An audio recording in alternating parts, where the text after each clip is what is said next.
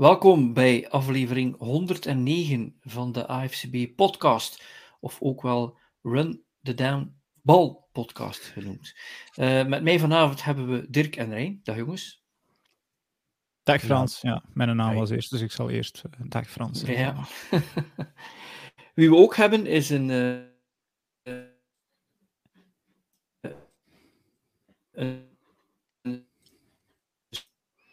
Oké, okay, um, Frans. bij mij valt Frans even weg. Ja, bij mij ook. Bij mij ook. Oh. Deze keer ben ik het niet. Sorry, dat was. Uh... Ja, nee, nee, dat, dat was een. Uh... Valse start. probleempje, zeker. Goed, ja. Goed, welkom, uh, Aram. Dank u. Goedenavond. je bent een superfan, ook een voetbal TikTok-ster, maar vooral een, een Browns-fan. En de vraag is eigenlijk, ja, ja hoe ben je bij voetbal terechtgekomen? En waarom de Browns?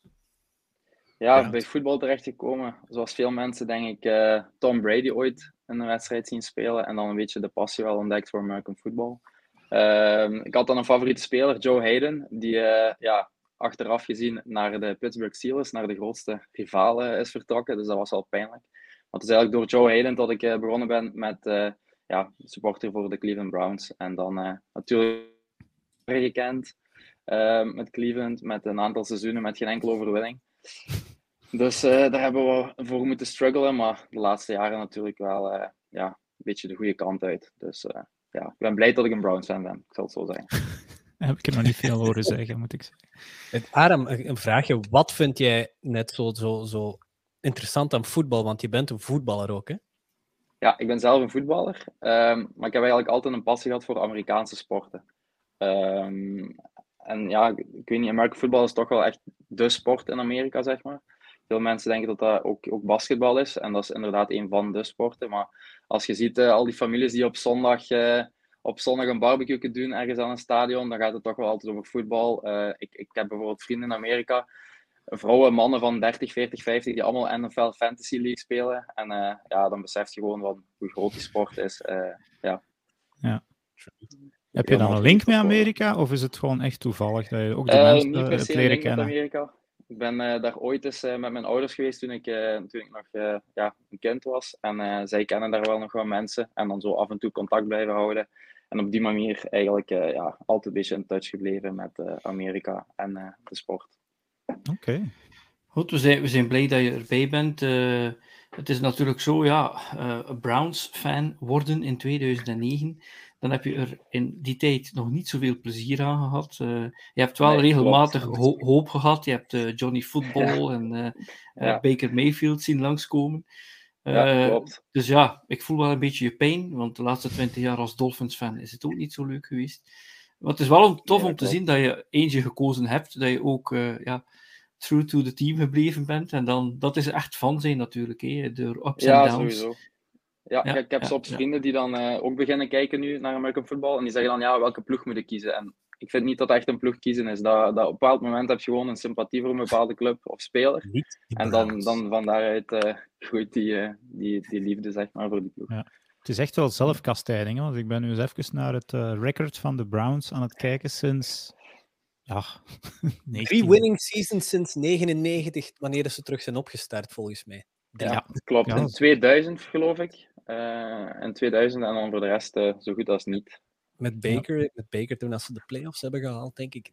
Eerste ja, jaar? Twee 9 jaar? en 7, ja. Maar ja. alle andere jaren 4 wins, 5 wins, 5 wins, 4 wins, 7, 3, 1, 0. Doug Peterson heeft wel uh, gequarterback bij de Browns. Dus je hebt een, een Super Bowl winning coach als quarterback gehad. Dat kan je wel zeggen. Ja, dat is het uh, dichtste waar we voorlopig in de buurt komen van een Super Bowl. nu, in feite is het een uh, perfecte segue naar het volgende onderwerp. Dus het nieuws van deze week. Normaal gezien spreken wij over blessures, omdat dat eigenlijk het nieuws is van welke spelers van welke teams moeten we missen. Maar deze week is er een coach die mag vertrekken, en dat is Matt Rule van de Carolina Panthers. De segue is natuurlijk dat daar de ex-quarterback van de Browns speelt. Daar kunnen we straks iets over vragen. Uh, ja, de vraag is, uh, Dirk, was het onvermijdelijk dat Roel moest vertrekken? Ik denk dat hij nummer 1 was in onze pre-season redactie getipt als eerste vertrekken. maar ja, had je het dan uiteindelijk verwacht? Of, of, of denk je van het is te laat of te vroeg? Hoe, hoe moet ik het zien? Te laat, te vroeg. Uh, onvermijdelijk is, was, het volgens mij wel. Um, hij heeft die, die trein niet meer op de rails gekregen in Carolina. Um, was veelbelovend. Uh, binnengehaald als een top college coach. Die uh, slechte programma's kon omdraaien in een succesvol programma. En dan ja, als een van de. Ja, het gebeurt niet vaak toch dat college coaches echt direct van uh, college headcoach naar NFL headcoach. En er zijn ook helaas maar weinig succesvolle verhalen. En Matt Rule is er nu dus weer zo eentje van. Ik, ja, het was wat de hotste hot seat, denk ik, tot nu toe in de NFL. En ja, ze hebben hem duidelijk niet. Ja, die, die David Tepper, die heeft ook weinig geduld blijkbaar. Kon het niet meer aanzien. En ik denk dat ze nu uh, gewoon voor de tankjob kiezen. Dus ik denk wel ja, onvermijdelijk. was niks aan te doen. Hadden nog een paar weken kunnen wachten, maar dan, dan zitten nog een paar topaffiches uh, eraan te komen voor de, de Panthers, waar dat ze volgens mij ook kansloos zijn. Dus doe het maar nu dan. Is er iemand waarvan we denken, ja, voor, normaal gezien gaat er een assistant coach of iemand binnen de organisatie overnemen, maar is er nog iemand uh, die ja, in de coulissen staat te wachten, Rijn, waarvan jij denkt, ja, die zou wel die plaats kunnen innemen. We hebben een Sean Payton daar nog ergens ja. zitten. Uh... Ik denk zelfs dat de, de, de DC is zelfs buiten gegooid, ook samen met Matt Rule. Ja. ja. Zie ook niet, uh, er waren goede vriendjes blijkbaar, man. Ja, dan heb je wel zoiets natuurlijk. Hè. Ja, je zegt uh, Sean Payton, dat is misschien wel inderdaad de meest voor de hand liggende naam, de meest logische naam. een, een, naam met hij moet ook zelf willen. Ja, hij moet natuurlijk zelf willen, hè, want wil je met die ploeg aan de slag? Zeker als je, uh, hoe lang heeft Peyton in, in, uh, in, in uh, bij de Saints gecoacht? Bijna, bijna 20 jaar? Lang, in ieder geval. Ja, toch heel lang hoor. Ja, meer dan 15 jaar, denk ik. Maar ik dan, denk dat Peyton nog zit te wachten op, op de Cowboys. Voilà. Maar het probleem is dat die 4-1 zijn. Oei. Ja. ja. Nu, uh, om die link te maken met de Browns. Toen je uh, Baker Mayfield zag vertrekken, Aram, eerste vraag is: vond je dat erg dat hij vertrok of had je liever gehad dat hij bleef? En twee, dacht je dat hij bij de Panthers het verschil kon maken? Nou, ik vond het niet zo heel erg om te zien vertrekken, uh, eerlijk ja. gezegd. Um, ik moet zeggen, in, in de jaren dat hij er geweest is, is een beetje up and downs uh, geweest met, met hem als quarterback. Ook wat blessures gehad. Maar ik had niet zoiets van, uh, dat is de quarterback waar wij echt mee uh, diep in de playoffs of ooit naar een Super Bowl kunnen gaan. Um, nu, of die bij de Panthers wel dat kon doen, was natuurlijk een beetje afwachten. Hè. Ik vind dat we eigenlijk nooit bij de Browns echt een, een wide receiver duo gehad hebben, buiten dan met Landry en uh, Odell Beckham. waarbij ik er echt iets mee kon doen. Maar Odell is nooit Odell geweest bij de Browns. Dus ja, ik had nu wel het gevoel met gasten gelijk Robbie Anderson bijvoorbeeld, dat hij daar wel wat beter kon doen. Maar ja, dat blijkt dat dat, dat, dat niet het geval is. Nu, het is ook nog een beetje in jouw wheelhouse, uh, Dirk. Je bent, um, je bent onze ex-specialist uh, van de college. We hebben nu twee nieuwelingen en je kan nu iets meer concentreren op de NFL. Maar ja. heb je, hoor je iets in de wandel hangen van dat, dat college team zou Roel kunnen gebruiken? Want zoals je zei, hij is wel iemand die twee uh, programs gewoon heeft omgeturnd. He. Ja, ja, er is één team waar ik direct aan denk, en dat zijn de Nebraska Cornhuskers. Dat is zo'n... Ja, Nebraska, dat is zo'n... Een, een, ja, een, de grote vlakte in Amerika met af en toe is een dorp en een, vooral schuren en maïsvelden. En vroeger een, een zeer... Ja, fly, echt letterlijk, ja. Een zeer gerespecteerd college voetbalteam in de jaren 90 en ook nog een beetje begin jaren 2000. Um, en, en die zitten toch al een kleine 20 jaar nu in de doldrums die hun programma maar niet terug op de rails krijgen, krijgen natuurlijk ook na al die tijd terug slecht te zijn. Niet meer de goede recruits. Ze hebben al een paar keer geprobeerd om een, uh, een goede headcoach uh, terug te zoeken. Meestal die een geschiedenis of een link hebben met de school. De laatste was dan Scott Frost, die er echt letterlijk niks van bakte. En ik denk dat dus daarom met Rule daar wel terecht zou kunnen. Ik zeg het, hij heeft een, een, hij heeft een zeer goede naam in college voetbal. Het is geen schande als NFL-coach te falen en te moeten naar NFL. Denk maar aan, aan Nick Saban, uh, de, de succesvolle coach van de Alabama um, Crimson Tide, die, die het ook even geprobeerd in, heeft in de NFL. Uh, en dat lukte ook niet. En zo zijn er wel meer. Uh, dus ik denk dat dat, ja, ja, ik dacht het wel te weten waar dat hij gezeten heeft. um, ja, sorry Frans. En, en ik, um, dus ik mijn draad wel even kwijt. Een andere mogelijkheid is ook nog wel Wisconsin, uh, de, de Badgers, en misschien Arizona State. Uh, maar meestal, ja, ook zoals bij de NFL college coaches. Het voordeel is nu wel, als ze hem nu ontslagen, die uh, college vacatures komen iets sneller open dan de NFL vacatures. NFL vacatures is meestal Black Monday daar, uh, begin januari. College vacatures komen meestal na de laatste wedstrijd van het reguliere seizoen beschikbaar en dat is al eind november, begin december. Dus dat is nu al in het voordeel van Matt Rule, als hij wil coachen, hè, want um, hij moet niet. de Panthers moeten hem nog heel veel geld, ik denk meer dan 40 miljoen dollar. En als hij niet elders aan de slag uh, gaat, krijgt hij dat gewoon elk jaar gestort. Gaat hij wel elders coachen, dan wordt dat zo ergens deels in rekening gebracht, heb ik uh, gelezen. Dus, dus, dus Rule gaat 40 miljoen dollar krijgen voor de Panthers niet te coachen. Dat is volgens mij de mooiste job ter wereld.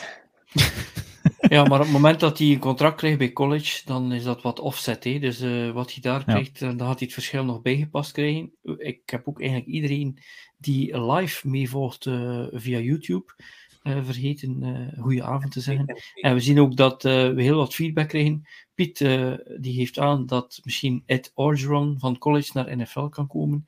Ik denk Zeer, dat, ja. die, dat die brulboei waarschijnlijk niet uh, zal komen. En wat je ook natuurlijk hebt met, uh, met Roel, met Roel in de NFL, ja, iemand moet hem wel willen. Uh, want wat hij nu gedaan heeft, is niet echt om naar huis te schrijven. Nu, wat je ook ziet, is dat bij teams die dan hun coach aan de kant zetten, dan heb je ook de kans dat men aan een rebuild begint. de zakken van Tepper die zijn diep genoeg. je hebt een paar spelers in place.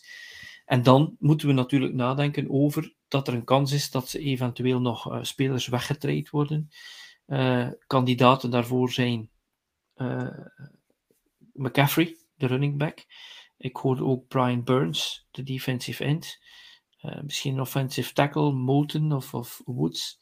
Um, zijn er daar tussen waarvan dat je denkt, ja, die zouden ze wel kunnen laten vertrekken? En welk team zou daar eventueel ja, oh ja, iets McCaffrey, mee zijn?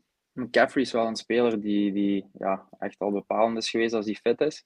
En ik denk als je allee, zijn kwaliteit hebt en je ziet de situatie in Carolina, dat je wel iets hebt van oké, als de kans er komt, inpakken en wegwezen. Um, dus ik denk, moest het aan hem liggen, dat hij sowieso wel uh, naar een goede ploeg kan gaan. Die, die eventueel, ja, de Bills bijvoorbeeld, die eigenlijk al, al een heel seizoen spelen met Singletary. Niet echt de, de top, top running back. Um, dus ik denk dat dat wel een ploeg zou kunnen zijn om uh, ja, te versterken.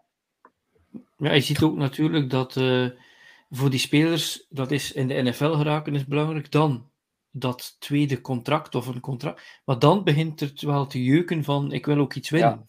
Ja. dat is misschien, ja, ja, ja. ja, als dat mutual is, dan uh, kan dat misschien wel gebeuren. We zien ook dat uh, we waarschijnlijk ook Baker Mayfield. het zou kunnen zijn dat we hem niet zien, de volgende wedstrijd. high ankle sprain. En dan hebben we ja. de gereputeerde PJ Walker van welke league was het weer? Uh, XFL, de... de... Ja, de XFL. Het team, ja. het team ben ik even kwijt. Houston? Nee. Ja. Iets in Texas in ieder geval. Nu, even ja, terugkomen op die, op die trades. Uh, voor CMC denk ik wel niet dat ze superveel. Het is een, een running back inderdaad al die richting zijn tweede contract gaat. Ik denk niet ja, ze zou er zotte kunnen zijn die er een eerste ronde voor gaat kunnen geven. En Arm gaf het ook al duidelijk aan als hij fit is en als de laatste twee jaar wel een probleem. Ik denk dat ze het eerder moeten gaan zoeken bij uh, die Taylor Moton en vooral bij, uh, bij Brian Burns. Ja. Um, dat is wel iemand die volgens mij nu naar een, een contract uh, afstevend.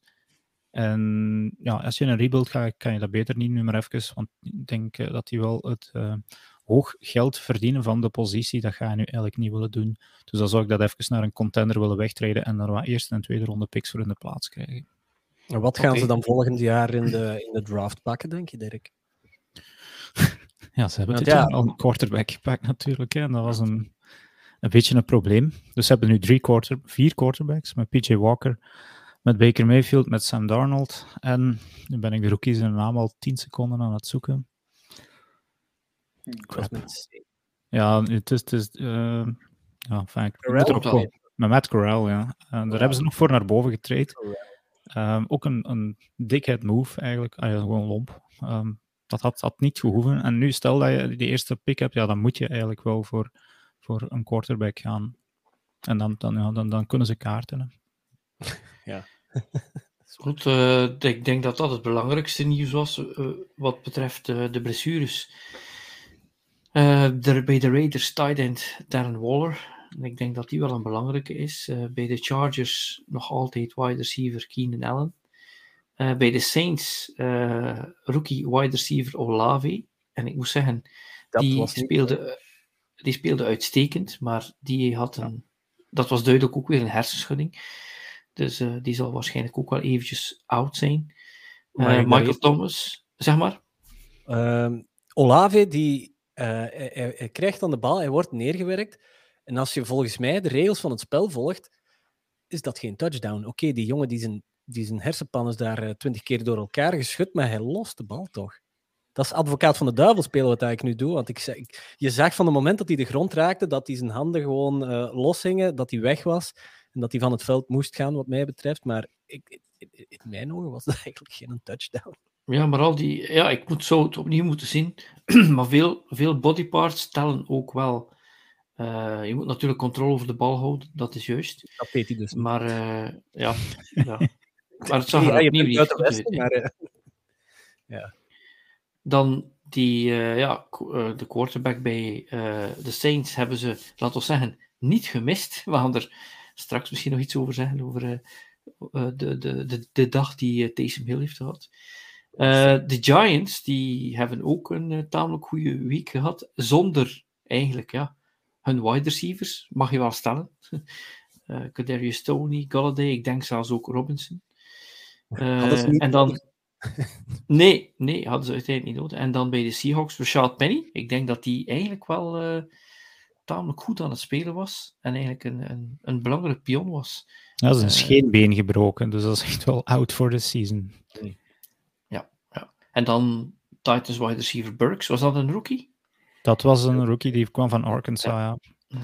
Nu, ik, ik denk de belangrijkste aderlating, en die hebben we nog even overgeslagen, denk ik, is Nick Bosa en Emmanuel Mosley van de, de 49ers. Volgens mij twee, nou, één All-Pro zeker, en de andere zal er dicht in de buurt komen dat volgens mij wel een probleem kan zijn voor de 49ers, die volgens mij tot nu toe het sterkste team in NFC West waren.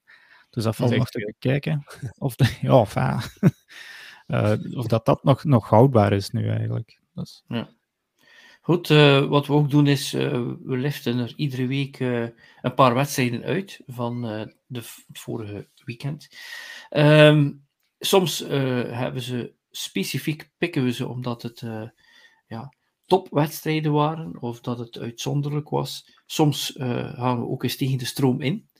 Uh, daar is er een wedstrijd geweest, de Denver Broncos tegen de Indianapolis Colts. Dat is geëindigd op 9-12. De Colts hebben die wedstrijd gewonnen.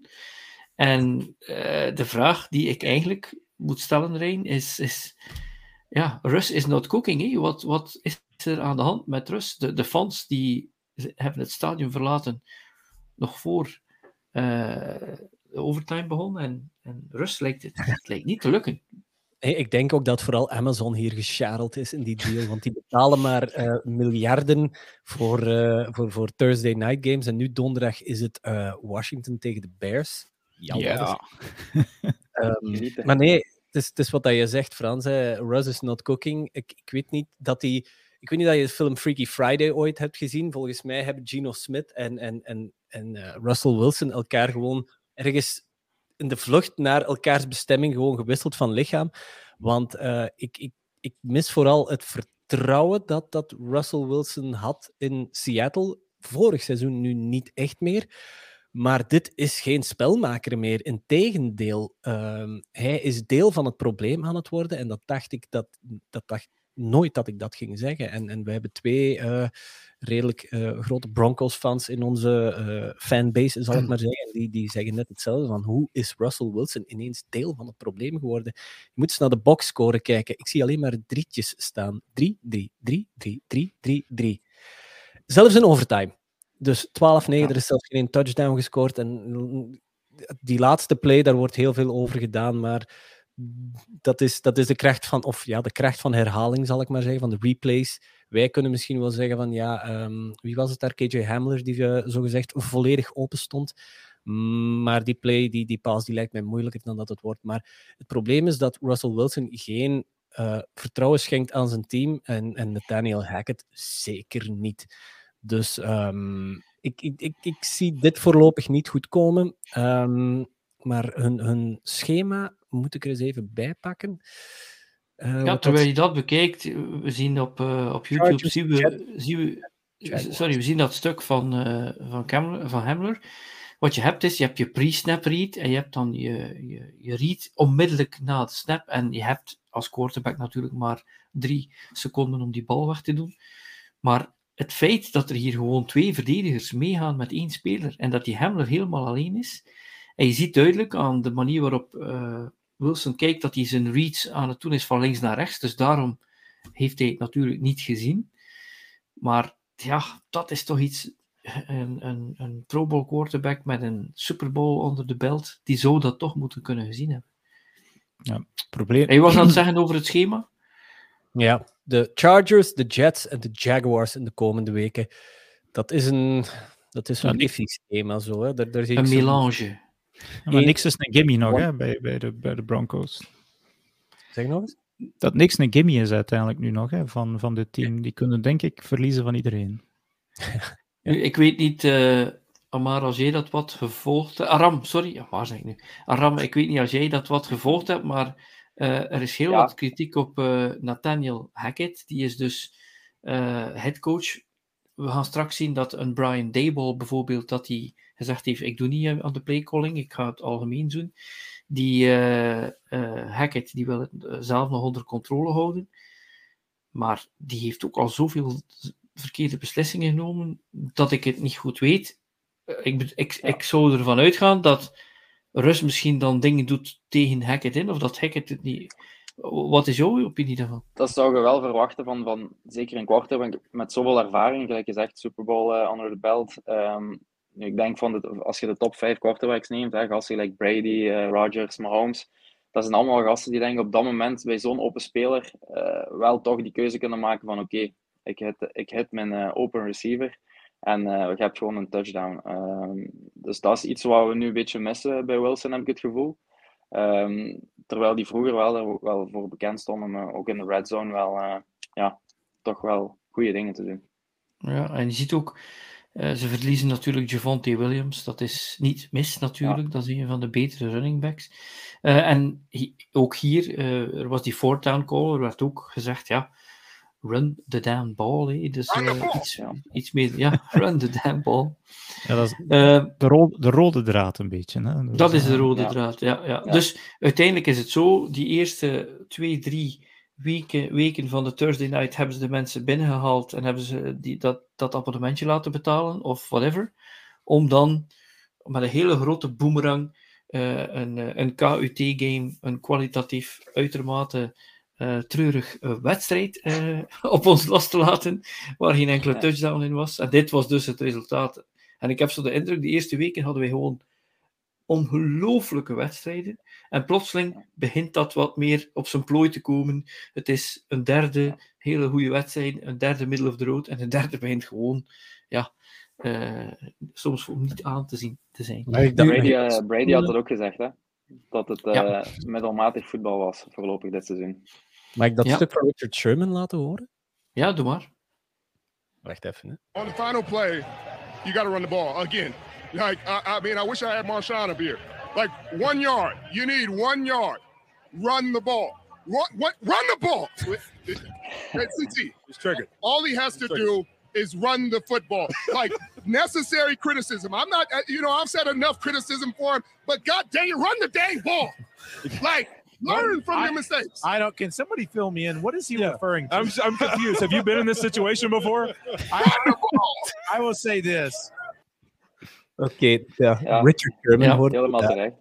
En de, en de man ik, van, heb je dit al uh, eens meegemaakt? Dat was uh, uh, ja, Ryan Fitzpatrick. Dat was Ryan Fitzpatrick. Ja, ja. maar wat je, wat je ook ziet is... Zeg maar, Dirk. Ja, prestatie op zich van Richard Sherman is hier om één niet te vloeken. Uh, ja, als je die ooit mic'd up gehoord hebt, dan is het toch wel mooi dat hij er live op tv niet, niet begint te vloeken. En twee, inderdaad, uh, van, het, komt hem zo bekend voor. Het moet Russell Wilson bekend voorkomen. Is het misschien daarom dat hem die slant niet durft? Ook niet. Want het was daar ook op die positie dat Malcolm Butler ongeveer stond, denk ik. Hè? Daar waar Richard Sherman, ja. daar waar dat, um, KJ Hamler stond. Dus achteraan ja, en zo'n KJ Hamler hè? en Malcolm Butler was nee, de goal. Nee, nee, ja, enfin, uiteindelijk als je de play ziet, ja, ik kan de foto er nog eens bij halen, maar Hamler is open eigenlijk een vijf jaar voordat hij de um, voordat hij in, in de endzone kan lopen. Dus het is echt, hij zou inderdaad op One Mississippi direct in de handen de slant naar, naar Hamler en dan wandelt hij, zoals hij achteraf tijdens de wedstrijd zei, I could walk into the endzone. Um, ja. fijn, maar dat is dus eigenlijk allemaal praat naar de vaak dat inderdaad gewoon Melvin Gordon run the ball moeten zijn. Wat ik ook al een paar keer gezien heb uh, dit seizoen, dat is dat men soms third and one of fourth and one heeft en dat men erin slaagt om een snap te doen naar een quarterback die zich omdraait en drie yards achteruit loopt en een handoff heeft aan een running back. Kijk, je hebt maar een jaar nodig. Dat is eigenlijk fysica. Hè? De kortste afstand tussen twee punten is een rechte. en dan sla je er nog in om het ja, moeilijker te maken dan het moet. Nu, uh, een, een segue van een draak van een wedstrijd naar ja, een wedstrijd die er mocht zijn. In de zin van dat uh, ja, heel wat mensen afgezakt waren naar uh, het stadion in Tottenham. En we waren dus in, uh, in Londen en daar hadden we de Giants tegen de Packers. En het leek heel eventjes op alsof de Packers een, uh, dat, alsof het een walkover zou zijn. Het was de eerste keer ooit dat men in Londen in de regular season twee teams had die een winning record hadden. Maar iedereen dacht een beetje dat de Giants pretenders waren in plaats van contenders. Packers die liepen ermee weg in de eerste helft. Maar dan kregen we een, een meltdown in de tweede helft. Dirk, jij als uh, Packers-fan, hoe heb jij dat beleefd? Ja, ik heb het eerst één stukje van de wedstrijd bekeken, het goede stukje. En dan het tweede heb ik moeten beluisteren, omdat ik uh, met familiale dingen bezig was. En ik kon eigenlijk niet geloven hoe groot dat het verschil tussen die twee was. De, de Packers in de eerste helft waren afgemeten en goed. Die, uh, die drive waar dat de tweede touchdown um, op komt, uh, dat was eigenlijk gewoon volledig uit het boekje. Volledig het veld oversteken. Ik denk dat dat uh, 75 yards ongeveer was. En dan een, uh, een pass naar um, de tight end. Uh, Lewis was het, denk ik. Dat was perfect eigenlijk. En op dat moment was het dan 17-3, 14 punten voor, twee touchdowns voor. Dan denk je van ja, dit is. Um, tegen, tegen Daniel, Danny Dimes. Uh, dit, is, uh, dit zijn de Packers. Ze staan 14 punten voor. Dit moet wel goed komen. En dan ja, plots um, zand in de machine. Um, red zone problemen voor de Packers. Uh, frustratie ook weer. En dan moet ik het zeggen, verdient de wedstrijd verliezen. Dus het is wel heel frustrerend ja. geweest. En ik zal het eventjes bijhouden. Een, een commentaar van onze ultieme packerkenner en mede-eigenaar Jan Bogaerts. Die zegt gewoon geen commentaar. Dus, ja, ik ga Aram, het niet kunnen inhouden hoor. Aram, als ik jou uh, vooraf had gevraagd, uh, gezegd uh, de, de Giants die hebben backup wide receivers en die moeten tegen de Packers in Londen spelen. Had je gedacht dat ze dit konden winnen? Nee, sowieso niet. Uh, mijn, mijn, beste vriend is een grote Giants-fan. Um, en die beleeft hoogdagen op dit moment. Um, ja, vooral ook als je ziet, Barkley die terugkeert ja, naar zijn beste vorm, die we, die we twee, twee seizoenen geleden of drie seizoenen geleden al hebben, hebben mogen zien. En dan zie je dat eigenlijk Daniel Jones een beetje in de enthousiasme van de ploeg uh, ja, een soort van Josh Allen uh, impression begint te, uit te halen. waar hij zowel gaat gooien als gaat lopen. En ehm, ja, gewoon heel onverwachts dat zij, uh, dat zij op uh, 4-1 is het geloof ik uh, op dit moment ja. staan. Dat is uh, ondenkbaar. Ja, we zien ook wel dat... de, de, Packers grid, vond ik. Wat dat, bij de, ja. wat dat de Giants met spades hadden gewoon eigenlijk. Hè. Op den duur, je zegt zelfs een, een close-up van, van Danny Dimes in de hand. Die was gewoon aan het bloeden. Ja, fuck it, die doet daar nog eens een design quarterback run down the middle gewoon. Het, het, wa het, was de mentaliteit van de Giants die dat grotendeels voor mij ervoor heeft gezorgd dat die, dat die uh, terug in de wedstrijd kwamen. Want laat ons niet vergeten, het was eigenlijk een Packers home game. Dat hoorde je ook aan het publiek. Uh, elke keer kwam die chant Go Pack Go door het publiek. En als je dan uh, met de, bij wijze van spreken de helft van je ploeg aan het spelen bent tegen een van de contenders voor de Super Bowl. En je walst die bij wijze van spreken gewoon plat in die tweede helft. Um, ja, chapeau. Wauw. We zien dat uh, Gerrit Jan uh, op onze YouTube, uh, Facebook-pagina vraagt: Moet Green Bay zich zorgen maken voor de divisie? Hm, hm. Of is het nog te vroeg om te panikeren? Goh, we hebben nog altijd de Bears, hè, dus. En de Lions. ja. ja, oh, wacht. Ik, ik, ik weet het niet. Hè. De, de, de Vikings staan op 4 en 1, Packers inderdaad 3 en 2. Onderlinge wedstrijd is al verloren gegaan, dus dat moet je ook inhalen. Um, maar het, het, is ook een deel, en Jan haalt het er ook nog aan, coaching. Um, en, en ik weet niet, Rijn, kan je die snippet er nog eens bij halen? Maar um, eenmaal... Voilà, je komt daar in de red zone terecht. Uh, je, hebt, je hebt twee pogingen, third down, want het, het kon nog allemaal. Een slechte tweede helft gespeeld. En je komt toch nog, gelijk komen stond zeven punten achter, uh, nog een jaar te gaan. Wat doet de coach van de Packers? Hij called op uh, twee passing plays die alle twee incomplete vallen. En waardoor als de bal um, overdragen terug aan de Giants, waarbij ja, er komt nog wel een, een klein verlengstukje aan die wedstrijd, maar ongelooflijk. Je hebt AJ Dillon, je hebt Aaron Jones, twee van de top running backs in de NFL. Je hebt nog één jaar te gaan. Wat doe je? Balletjes gaan gooien omdat je quarterback van 50 miljoen dat moet doen. Is, is dat? Nee, dat is niet slim. Geef die bal toch gewoon aan Dillon of aan Jones. Ik snap het niet. Run the ball! Voilà. Nu, we zien natuurlijk wel. Uh, ik denk dat we de Giants een beetje over het hoofd gezien hebben de vorige weken. Maar je hebt een beetje de combinatie van. Het lijkt te lukken met die coach. Die coach heeft wat vertrouwen in die quarterback en die quarterback betaalt dat ook terug. En natuurlijk, we mogen niet vergeten dat Saquon Barkley, dat die vorig jaar nog maar een halve was na die ACL. Maar het lijkt er wel op alsof die volledig terug is. Die, die, die, en ja, dit is echt wel. En we hebben dat een stukje Wildcat gezien. Ik heb jullie aangegeven dat dat in 2009 eventjes de Dolphins gewoon hun, hun go-to was. Maar blijkbaar zijn er veel die, uh, die niet weten hoe ze met die Wildcat moeten omgaan, want hij wandelde gewoon de eindzone binnen. Ja, maar Saquon Barkley is een lopende blok beton ook. Hè? Um, ja. Ik heb uh, ooit eens ergens, ik weet niet, het was een of andere podcast waarbij dat er de keuze gegeven wordt. Um, wil je zelf uh, proberen een bal ergens binnen te lopen door een, een, een lijn van NFL-verdedigers, of wil je zelf proberen Saquon Barkley te stoppen door hem zelf te tackelen? Niemand koos voor Saquon Barkley te willen tackelen. Ze, werd, ze werden liever getackeld door NFL, andere NFL-spelers, omdat het, ze dachten, ja, Saquon Barkley, die, mij, die ik moet tackelen, dat is zoals een, een vrachtwagen te moeten stoppen in het verkeer. Dat doen we liever niet. En als hij in vorm is, want oké, het is nu zes wedstrijden of vijf wedstrijden ver, hij moet het seizoen nog gezond um, uitspelen. Hè? Want als Saquon Barkley hier wegvalt, oef, ja, dan houdt dat maar weer vast. Dan heb je geen team. Nee. Wat Gerrit Jan ons vraagt is ook, ja, uh, het lijkt alsof Rodgers geen targets meer heeft. Hè? Dus is dat dan niet een beetje parels voor de zwijnen dat zo'n goede quarterback daar in Green Bay blijft rondhangen? ik heb mijn rent ooit alles gegeven. Hè. Hij moest van mij ja. geen 51 miljoen vragen. Hè. Met ja. 20 miljoen minder, dat is ongeveer hetgeen dat Tom Brady elk jaar vroeg als discount.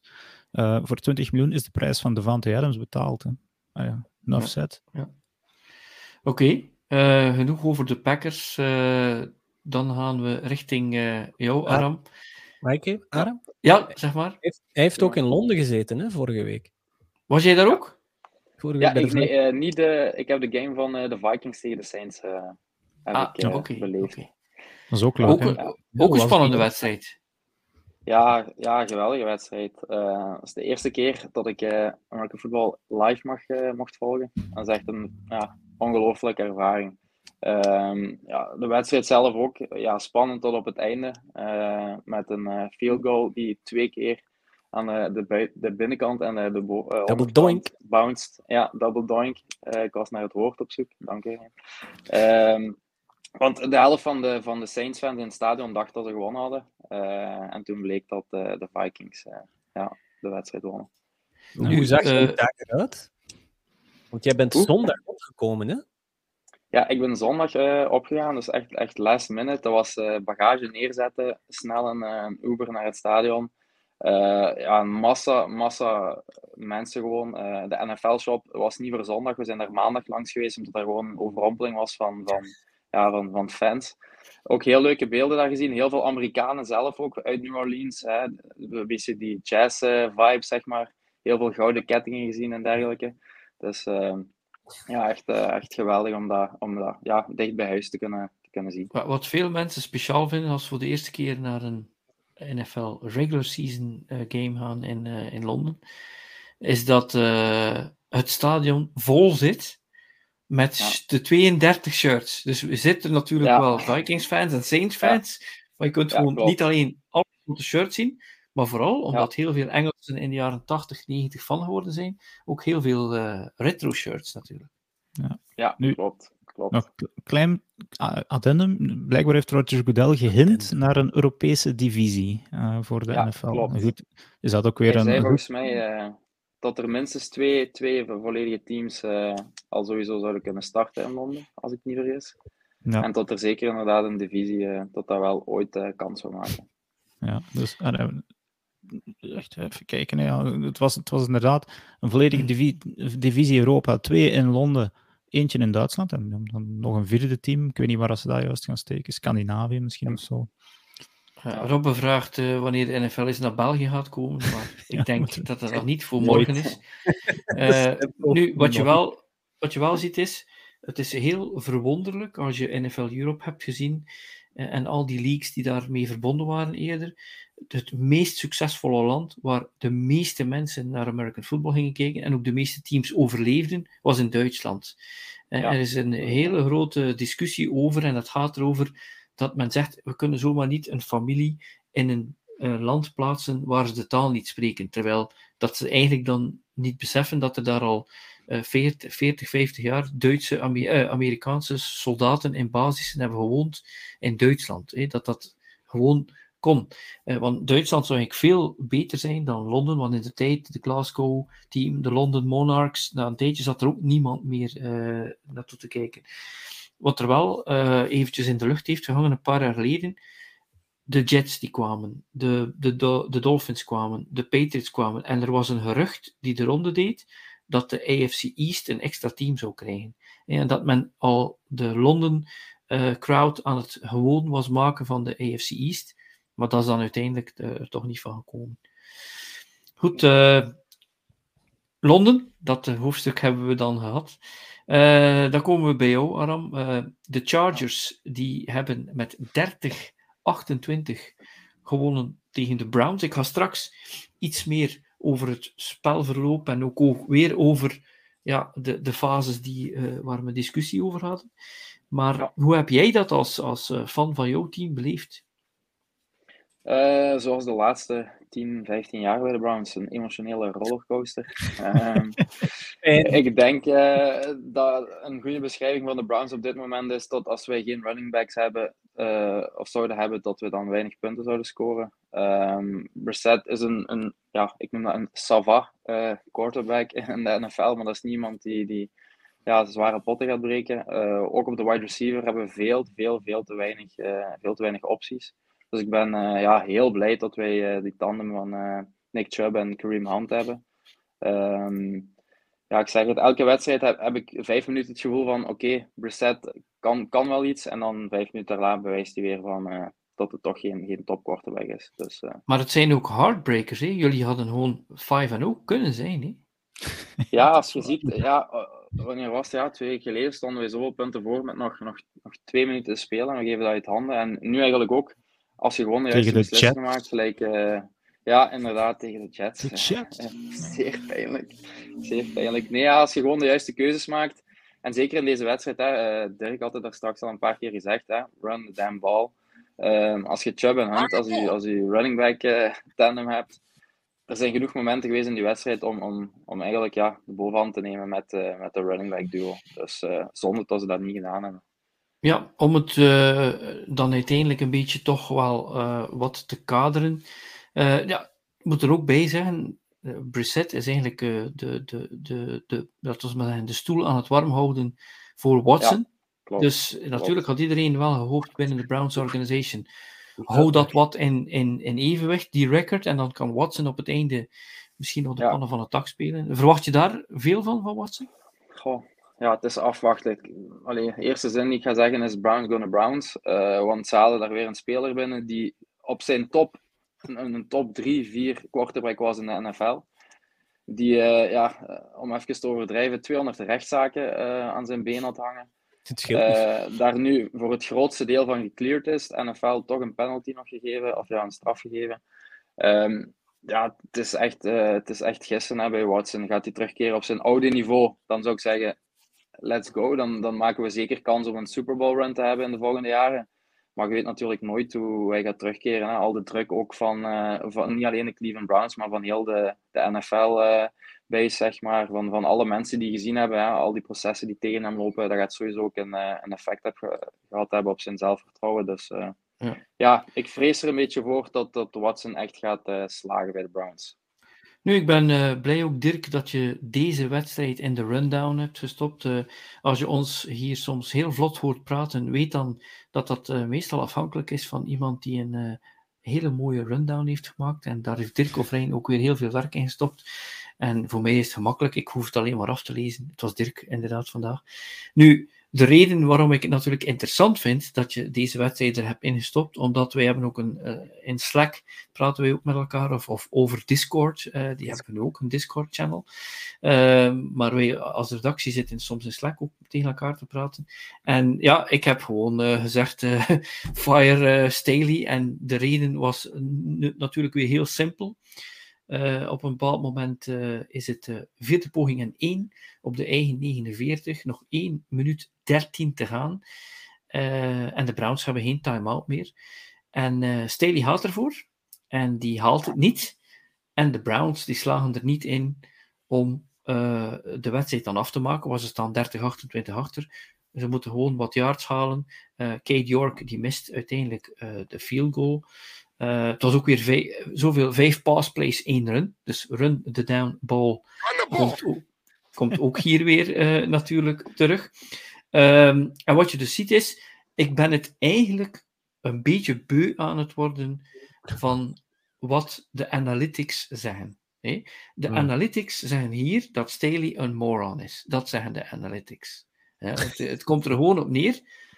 Je punt die bal en je laat dan uh, Brissett een poging doen om die wedstrijd te winnen door in field goal range te geraken met een kikker waar je ook niet 100% kan op rekenen. Want ik heb zo de indruk dat die kikker je ook niet veel vertrouwen moet geven, uh, Aram. Oh, nu op zich, ik, ik vond wel het begin, uh, begin van het seizoen, vond ik, vond ik heel, uh, heel goed. Um, het moment dat hij, dat die kijk, ja, dat wel, maar je zag wel dat hij wat confidence had. Um, ja. Zo'n gasten gelijk uh, McPherson bij de Bengals, dat zijn zo van die gasten die, die echt op confidence draaien. En uh, dan kan dat wel goed uitpakken. Ik had wel het gevoel bij, bij York dat dat ook zo was. Maar ja, helaas uh, was het dit weekend niet het geval. Een beetje Cody Park. Je hebt uh, een beetje Cody Parky. oh, ja, het is gewoon, het is easy, Adam. a, lot of, a lot of pain, a lot of pain. Weet je de hoogste quarterback dat uh, Brissett is sinds de heropstart in 99? Nee, ik weet gewoon dat we heel veel slechte quarterbacks hebben gehad. Evenveel teams als de NFL. Oh. ja, er, Was, er, er, is iemand die in de Browns uh, stadium zit met een shirt aan van de quarterbacks met telkens de naam. Ah, en de naam, die heeft zo'n hele lange, lange shirt met al die namen van die starting Daarom uh, heb ik ook nog nooit een uh, truitje van de quarterback gekocht. Ik ben uh, ja. vaak slim genoeg om een, een truitje van de running back of ik heb ook eentje van Miles Garrett. dus om een van de andere bepalende spelers te kopen. Nu we over running back spreken, ja, het is meestal niet zo dat een running back de MVP wint, maar uh, het is toch wel een sneaky speler van het jaar geworden, die Chubb. 593 rushing yards, 7 touchdowns. Ja, 42 keer zijn mensen hebben een tackle gemist, 42 keer. Geen enkele fumble. Ja, dit ja, is wel een, het, uh, een toppertje. Het zat er bij, uh, bij Chubb, vind ik. Het is niet de sterkste, het is niet de snelste. Um, gewoon op de een of andere manier raakt hij er altijd door. Um, ik bedoel, begrijp me niet verkeerd, hij heeft veel power. Hè? Maar als je gasten gelijk Derrick Henry, Barkley, vind ik toch nog iets meer power hebben, zeg maar. En dat is ook niet een echte snelle, snelle running back. Um, ja, ik denk dat hij dit jaar uh, wel op dit moment verdient om, om toch zeker bij de eerste drie namen voor, uh, voor MVP te staan. jullie, zijn nu, uh, jullie zijn nu 2 en 3. Het had anders kunnen zijn, want er waren een paar wedstrijden waar het heel nipt was. Ja. Ehm, je zit in een divisie waar van alles aan de hand is. Denk je dat, dat je team of die divisie nog kan winnen, of nog een playoff plaats kan halen? Goh, uh, winnen denk ik sowieso niet. Ik schat de Ravens wel, wel best hoog in met Lamar dit seizoen. Ik vind dat hij op een, op een heel hoog niveau staat te spelen. Met de Bengals verwacht ik ook dat, dat een beetje, uh, zijn een beetje zoekend. Hè? Burrow ook niet echt een goede wedstrijd gehad afgelopen weekend. Maar ik denk uh, dat hij wel naarmate van het einde van het seizoen wel, wel terug in zijn ritme gaat geraken. Dus ik denk dat het voor ons heel moeilijk wordt om, om de divisie te winnen. Sluit ik volgens mij sowieso uit. En om de playoffs te halen gaat het echt, echt heel net worden. De Steelers heb ik geen schrik van, maar de Ravens en, en de Bengals, uh, ja, sowieso. Ja, ik, ik, denk met, met um, de Sean Watson zoals ferm kunnen tegenvallen, tweede helft van het seizoen. Die man heeft ja. inderdaad, zoals dat je zegt, ook twee jaar geen bal meer gegooid. Hij is niet meer dan ja, twee jaar. Klopt. En, en inderdaad, die, al die zaken, alle camera's zullen op, zich, op zich gericht staan. Het is misschien maar goed dat je dit jaar volgens mij niet de playoffs haalt, want dan ja, als die, als die gewoon die, die vijf wedstrijden op het einde, hè, of, of het nu nog echt belangrijk gaat zijn om de play-offs te halen of niet, dat die gewoon wat, wat kan roleren. Dat is een team we kan leren kennen op het veld, wat ritme erin krijgen, wat plays runnen uh, naar volgend seizoen toe. Dan denk ik dat dat een beetje de bedoeling gaat zijn dit seizoen. Goed, als we toch bezig zijn over de AFC Noord, daar hadden we een, uh, een, uh, een eigenlijk wel een hele goede matchup. De Bengals die speelden tegen de Ravens. Uh, Cincinnati verloor 17-19 tegen uh, Baltimore. En we hebben er vorige week nog over gepraat. Het is, uh, ze waren 0 en 7 in een tight game, in 1, 2 of 3 punten, de Ravens. Maar hier hebben ze er toch eentje uitgehaald. Um, is dat de verdienste van Justin Tucker, Rain of Dirk? Oh, Justin Tucker, ja, om, om het daar even over te hebben. Kijk zaterdag naar onze TikTok, als het over Justin Tucker gaat. Ah, ja. Even. Dirk, doe maar. Het zou, het zou wel eens over opera kunnen gaan, gok ik dan. Um, nee, het, het, was eindelijk een, een keer eens uh, Harbaugh die uh, een, een, verstandige beslissing neemt uh, op het einde van een wedstrijd en zijn, zijn all-pro kicker vertrouwt, in plaats van ook weer een, een, een rare play op fourth down te doen. Um, want normaal gezien is het een close game, one-score game, dan waren de Ravens volgens mij 0-6 of 0-7. Um, dus, dus ik denk dat Justin Tucker nu eindelijk, ja, hij mag daar een field goal trappen op het einde. Dat is natuurlijk een gimme voor Justin Tucker en bezorgt hen deze keer uh, gelukkig de zegen. Um, maar ook aan de andere kant vond ik daar weer een paar vreemde coachingbeslissingen uh, vallen bij Zach Taylor. Uh, ook zo'n beetje de, de Jekyll and Hyde van de, de, NFL, vind ik. Ja, ik heb het hier opgeleend. Zach Taylor, die staat uh, oh, dus ja, die staat dus eigenlijk op first and goal, op de, de twee, op de twee lijn. Ja. ja. Joe Burrow, pass incomplete. De volgende, de second and goal. Tyler Boyd sacked at the Baltimore 14. Dat was, ja, wat, ja, proberen ze naar de Philly, special, de Philly Philly. Dat moet je doen, een trickplay op de twee yard lijn, proficiat. Uh, en dan bij derde en 14, Joe Burrow, short pass to the middle. En dan bij fourth and goal, Joe Burrow, pass incomplete to S. Morgan. Dus ja. uh, run the damn ball, zou ik zeggen. Je hebt Joe Mixon. First and goal op de twee met Joe Mixon. Ah, ja, je hebt drie pogingen om, om, om daar binnen te lopen. Die gaat echt geen yardage verliezen daar. Ah, ik, ja, is het dan zo de, de hero? Willen die, die coaches de held zijn? Van ja, het is natuurlijk heel saai uh, om, om, om zo te zeggen: ja, oké, okay, gewoon uh, run up the middle. Het is gewoon de meest logische play. En dan maar ja, het, moet je dan echt zo de achterkant van je playsheet gaan kijken. Hmm, de Philly Philly lijkt hier wel een goed plan. Ja, min, min zoveel yards. Ik, ik, het, het, ik, snap het niet. Nee, maar... Wat het is, is, we zeggen altijd, hey, is het de X's en O's of is het de Jimmy's en Joe's? Hey? Gaat het over de coaches, gaat het over de spelers? Ik kan je zeggen, het gaat vooral, uh, gaat vooral over de spelers. Uh, wat je ziet is, je, je, mag, je, mag niet, je, je mag het soms niet moeilijker maken dan het is. Voetbal is simpel, dat is blokken en tackelen. En alles dat daar rond is, hoe beter je blokt, hoe beter je tackelt, hoe meer kans je maakt om wedstrijden te winnen. In het begin, toen ik de offensive coordinator was van de West Vlaanderen Tribes, heb ik gezegd, ik wil die quarterback als quarterback. Linkshandige quarterback die beter kon rushen dan dat hij kon passen. Twee jaar later zijn we kampioen geworden en dat zes jaar na elkaar is altijd een betere passer geworden along the way. Maar in het begin moest ik niet speciaal doen. Dat was een uh, run right off-tackle, run left off-tackle. En dan de derde keer, dan deden we fake dat we die off-tackle deden. Dan deed hij een naked bootleg, was hij weg voor 30 yards. ja, Ja. Als het werkt, doe. Als het werkt, doe het dan. Dat is bijvoorbeeld wat ik niet begrijp met een eh, team zoals eh, de, de Cardinals. De, voor de Cardinals is simpel. Als ik daar de offensive coordinator ben, dan zeg ik, Kyler Murray, wij gaan jou x aantal keren per wedstrijd in een situatie zetten dat jij een designed run doet. We gaan je beschermen, we gaan je zorgen dat je, niet, eh, dat je je hoofd niet afnemen, maar gebruik dat dan. Nee, telkens 15 of 20 punten achterkomen en dan moet die jongen ballen gooien, 80 yards lopen voor een two-point conversion.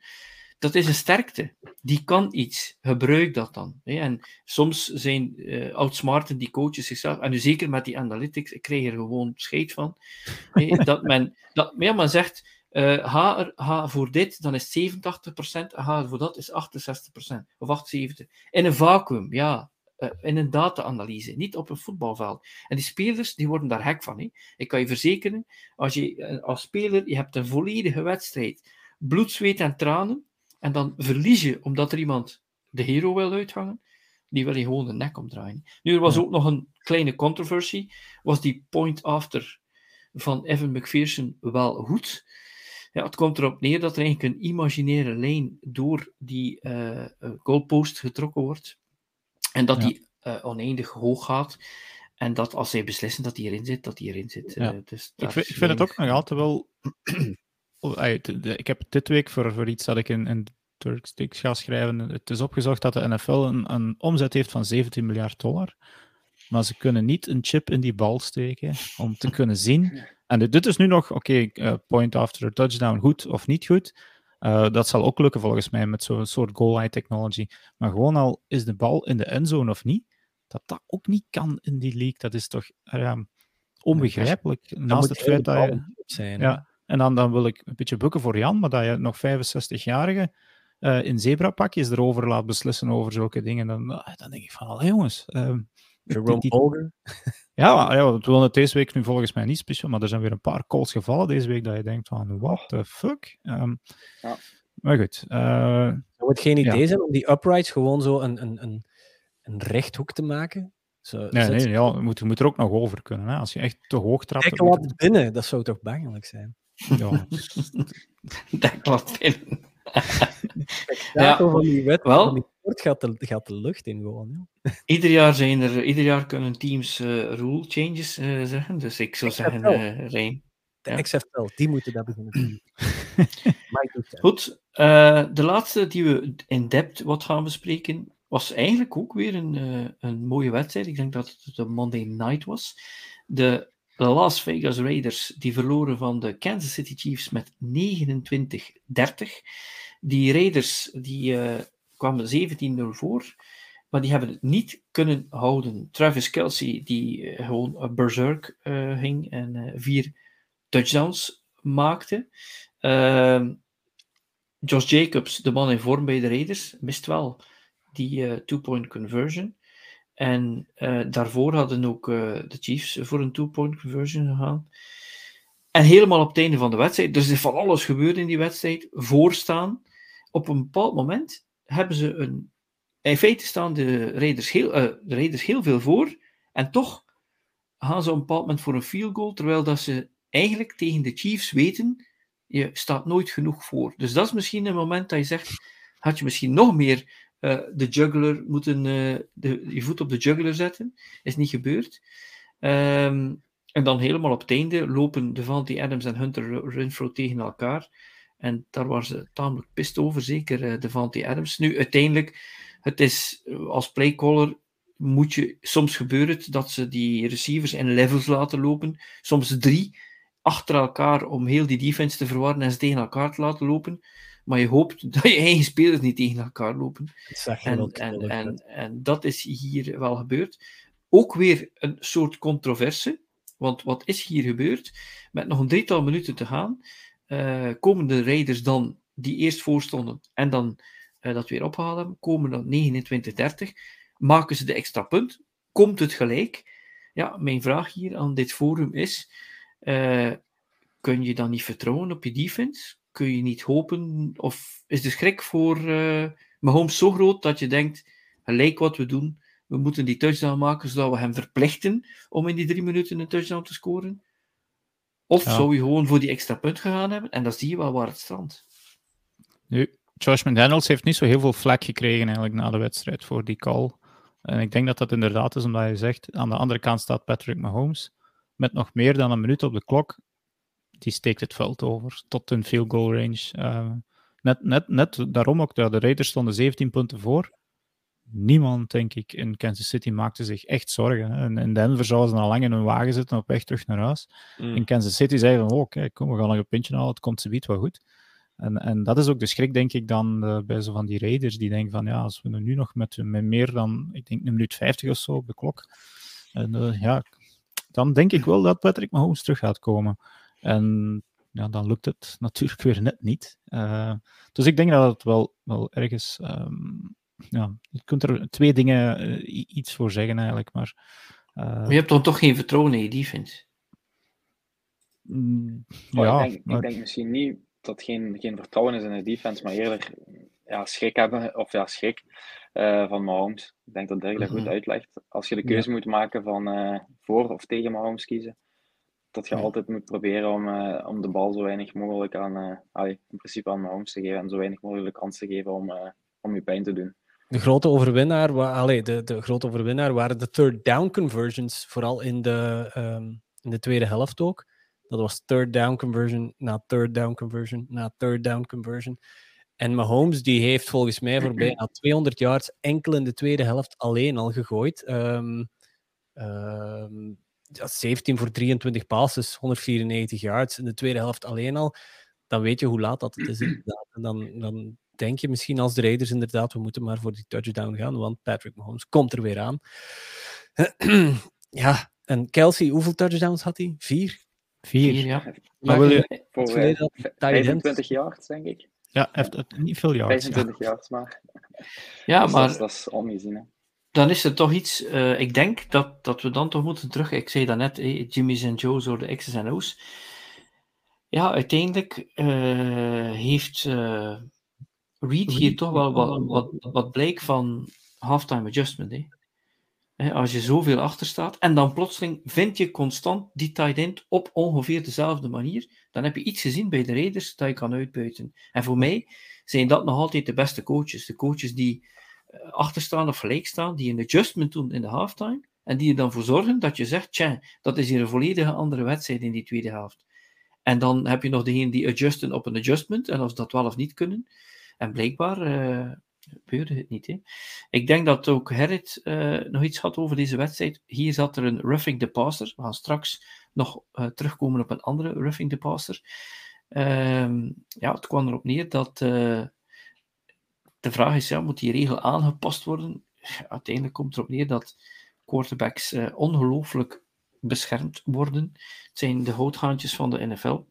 we hebben het al een paar keer vermeld in deze podcast dat er op uh, eh, 7 miljard mensen nog altijd geen 32 zijn die op een degelijke wijze een bal kunnen gooien. Er zijn er altijd die toppers zijn, pro-bowlers, uh, Hall of Famers, en er zijn ook al een paar uh, die kunnen zowel barman zijn of bouncer zijn. Ehm, dus beschermen ze die mensen tot in het ongelooflijke, en daar kan inderdaad wel iets mee aangevangen worden. En die segue is dan eigenlijk heel gemakkelijk. Uh, de Bucks die stonden 21-0 voor de Tampa Bay Buccaneers tegen de Atlanta Falcons. Die Falcons die kwamen teruggeraast. En op een bepaald moment uh, wordt Brady gesackt, mag je zeggen. En die smeekt of schreeuwt om een penalty. Die kreeg hij ook. En daar was het momentum dan weg voor de Falcons. Jullie hebben waarschijnlijk de, uh, de play gezien. Wat is de mening hier? van dat, uh, wat daar gebeurd is. Dat is een van de grootste bullshit calls die ik in de NFL al heb gezien. En dat er, I don't mince words, dat is gewoon pure bullshit. Dat, dat, waar is dat roughing the passer? Dan, Jerome Bolger die, die heeft na de wedstrijd dat nog proberen uit te leggen. Maar dat kreeg je volgens mij gewoon aan niemand verkocht dat, dat daar een flag moet, moest voor worden gesmeten. En het, je wordt er bijna paranoia van, want het is altijd van, kijk, het is weer Brady, kijk, het is weer Brady. Maar het gebeurt toch zoveel keren met hem, maar de dag erna wordt er dan ook weer het uh, roughing the... Um, uh, roughing the passer bij de Chiefs en de Raiders geroepen. Dus het is niet alleen bij Brady, maar het is de, de quarterbacks worden niet te veel beschermd. Het is een regel die voor interpretatie vatbaar is. En dat maakt het volgens mij net zo, net, net zo controversieel. Het is niet zwart of wit. Die, die, het is niet een voet die buiten de lijn is. Dit is een interpretatie van die whitecap dan. En bullshit interpretatie voor mij. Dirk? Ja, je ziet nu ook uh, de spelers op Twitter die, die allemaal, uh, allemaal erop reageren. Ik zag uh, een aantal tweets van Micah Parsons van de Cowboys die, die ja, hetzelfde woord gebruikt als, als Rijn, ja, bullshit calls, um, dat er iets aan gedaan moet worden. Dat het gewoon ongezien is, uh, dat het een keuze is van die 45-jarige man, stond er geloof ik. Uh, dat het een keuze is om nog quarterback te spelen in de NFL. En um, ja, of je nu 25 of 45 bent, toch je dan uh, ja, met de gevolgen moet, moet kunnen omgaan. Klaar.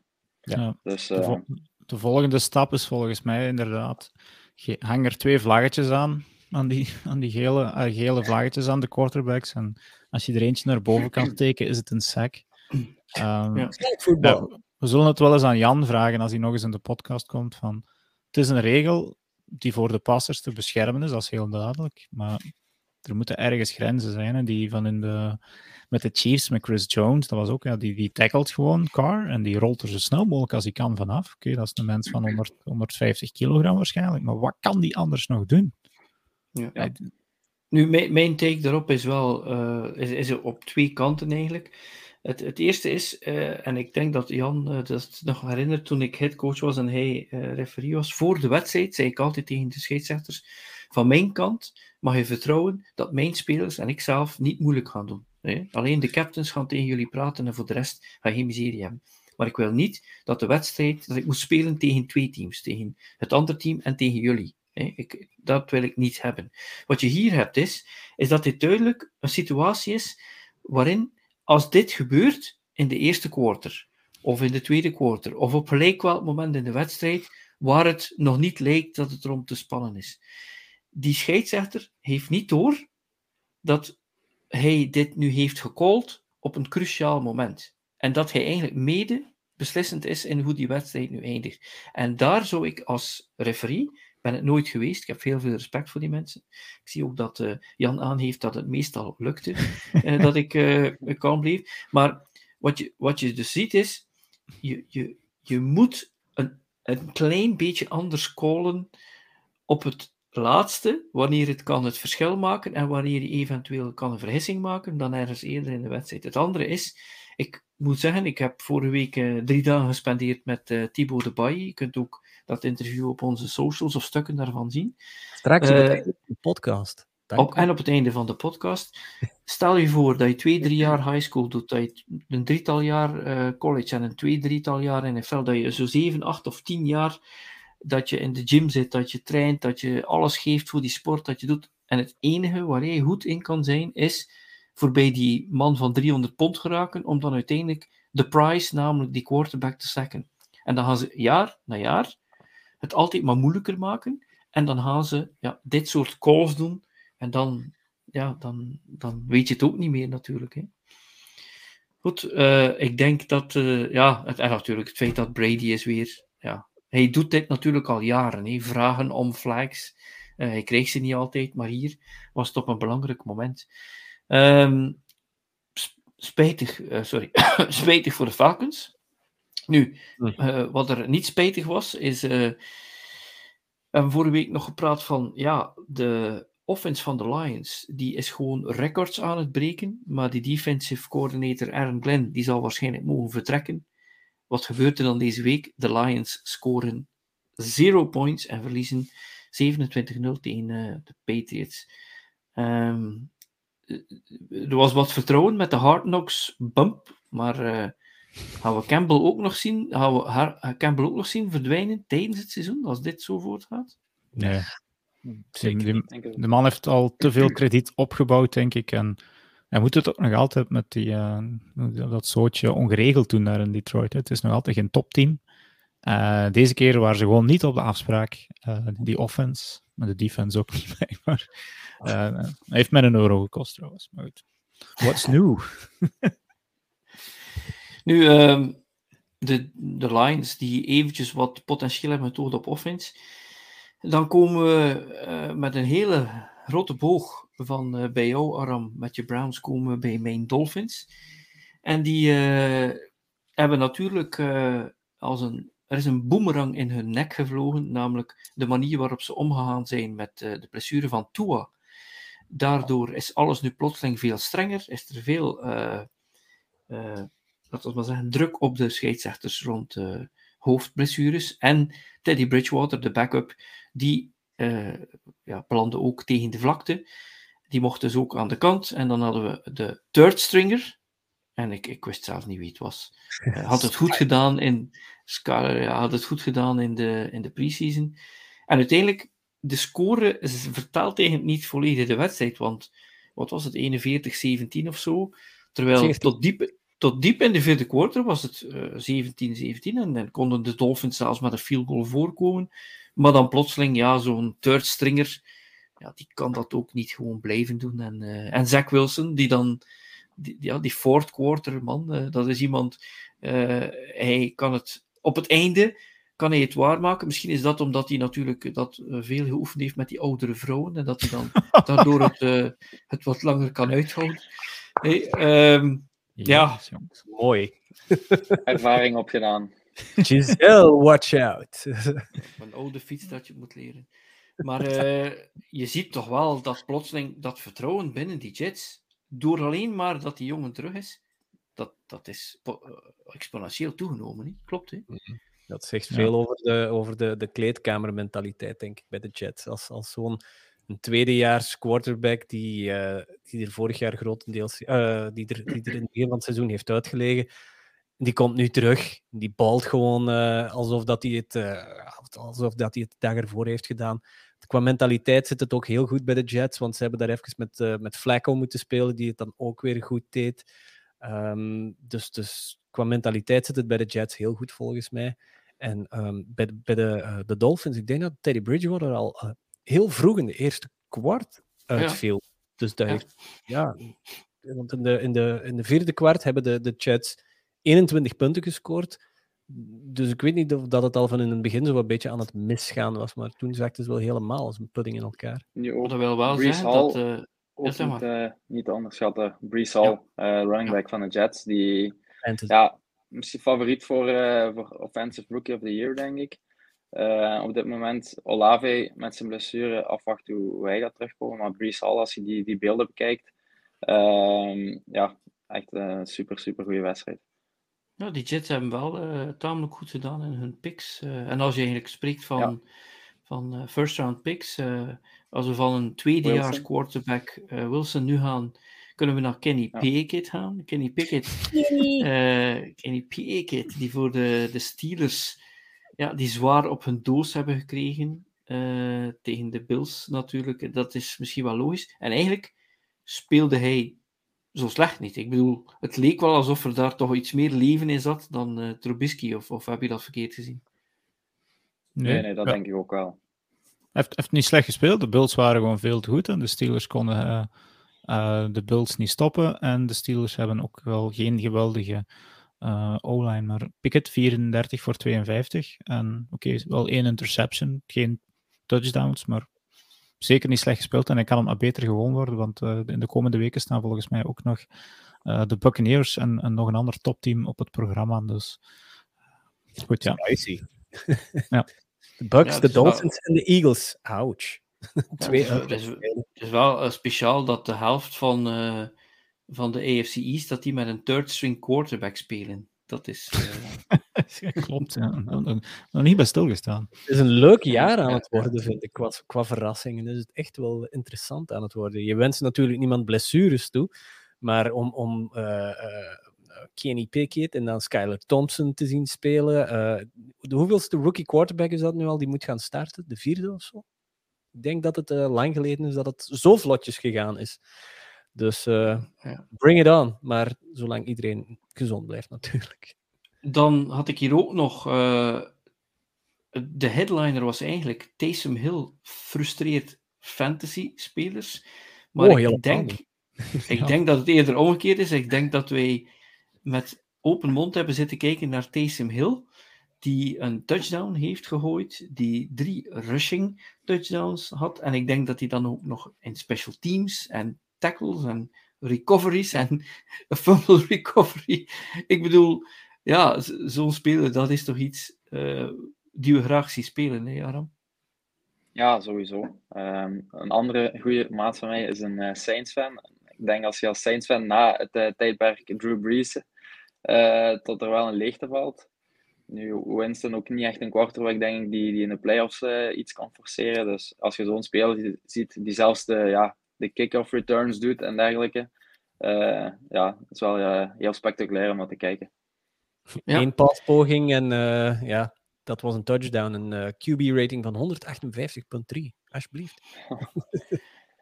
Wat we ook gezien hebben is uh, daarnet de Giants, die eigenlijk verrassend 4 en 1 zijn. Maar vergeet ook niet dat wij jaren hebben gesproken over de NFC Least. En nu plotseling de Eagles, het ene ongeslagen team, 5 en 0. Uh, 4 en 1 voor de Giants, maar ook 4 en 1 de Cowboys. Cooper Rush, ja. die is 4 en oh, wie had dat gedacht? NFC Beast is het geworden gewoon. Drie teams in de playoffs tot nu toe. Hè? Dus inderdaad, niemand had dat volgens mij gedacht. En, en de NFC is volgens mij zo een shambles dat het zomaar eens zou kunnen dat er twee teams uh, van die NFC East in de playoffs gaan geraken. Drie denk ik dat niet houdbaar is. Uiteindelijk moeten die elkaar ook nog een paar keer tegen het canvas gaan mappen. En dan denk ik wel dat er in de andere divisies uh, toch nog een paar extra ploegen zullen opstaan. Uh, maar Cooper Rush, ja. Five, eigenlijk 5-0 in zijn carrière, want hij heeft vorig jaar ook eens een start gekregen, wat hij ook gewonnen heeft. Dus ik denk dat hij wel, als hij, ja, hij gaat nergens een starter worden, denk ik. Hè, want uh, we mogen nog altijd uh, er niet te gek om doen. Dak Prescott heeft wel dat groot contract. Als hij terug gezond is, moet hij starten. Maar het zou zomaar eens kunnen dat Cooper Rush volgend jaar ergens um, een plaatsje gaat krijgen. Maar kunnen we... Wie zouden jullie dan... Doe maar we, we, moeten niet te spectaculair gaan doen over Cooper Rush. Hè. Als je ziet tegen welke ploegen dat ze gespeeld hebben. En hoe ook. Hè. Het zijn geen spectaculaire stats die hij die, oprakelt. Maar gewoon, hij heeft natuurlijk wel dat winning record. Dat is zo'n beetje zoals... Uh, Teddy Bridgewater een paar jaar geleden bij de Saints moest even invallen voor Drew Brees. Speelt vijf keer, wint vijf keer. Is het jaar daarna starter bij de Carolina Panthers. Wat hebben, ze, wat hebben ze gemeen? Uh, ze, maken we, ze maken weinig fouten. Ja, voilà. Je had nog iets, Aram, over deze koep? Ja, wie jullie dan in, uh, in de playoffs zouden zetten, de Giants of de Cowboys? De. Heel oh. Pas, pas op met. Nee, kijk, ik, ik, zeg de Cowboys omwille van de defense. Die is echt ja, wel ja. lights out. Ja. Uh, en ja. niet vergeten, Michael Gallup is deze week ook teruggekomen. Hè. Dat is een heel goede onderschatte speler, die eigenlijk ja, die heeft niet Amari Cooper het huis uitgejaagd, maar mede dankzij dat ze wisten dat ze Michael Gallup nog achter de hand hebben, hebben ze die wel laten vertrekken. Dus dan heb je Michael Gallup, heb je CD Lamb, heb je ja, Dalton Schultz mag wel eens gaan wakker worden. En dan hebben ze nog goede vervangers met Noah Brown. Um, dus ik, en, en, als Dak Prescott dan zijn hand een beetje in orde is, pas maar op. Ja, cool. Nu ja, uh, er zit nog een team in die divisie. Dat, is, uh, de Washington, dat zijn de Washington ja, Commanders. Nee. Uh, Ron, Ron, Ron, Rivera die heeft verloren tegen de Titans. Ze zei dat het verschil tussen hen en die andere teams in de NFC East de quarterback is. Ja, dat had je kunnen weten. De ene keer doet Wentz een pass waarvan je denkt, wow, dat is toch wel een quarterback die wat kan. De andere kant is het alsof je een bamboestok in de grond ramt.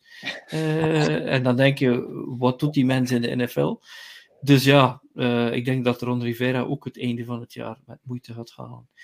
Uh, dit was week 5. Um, Dirk, ik weet dat je nog altijd zijdelings betrokken bent bij college. Wat is er uh, dit weekend in college gebeurd? Wat, wat, wat moeten wij meedragen van dat weekend? Het was vooral een van die grote traditiewedstrijden het collegevoetbal waar je echt voor gaat zitten en de tv opzet. Nu, ja, het zal hem dit jaar misschien snel terug afgezet hebben, want het was de Red River, Red River uh, en het mag zo niet meer genoemd worden, de shootout. Zo met die geweren en dergelijke. Wordt tegenwoordig de Red River Showdown genoemd in plaats van shootout. Of Red River Rivalry.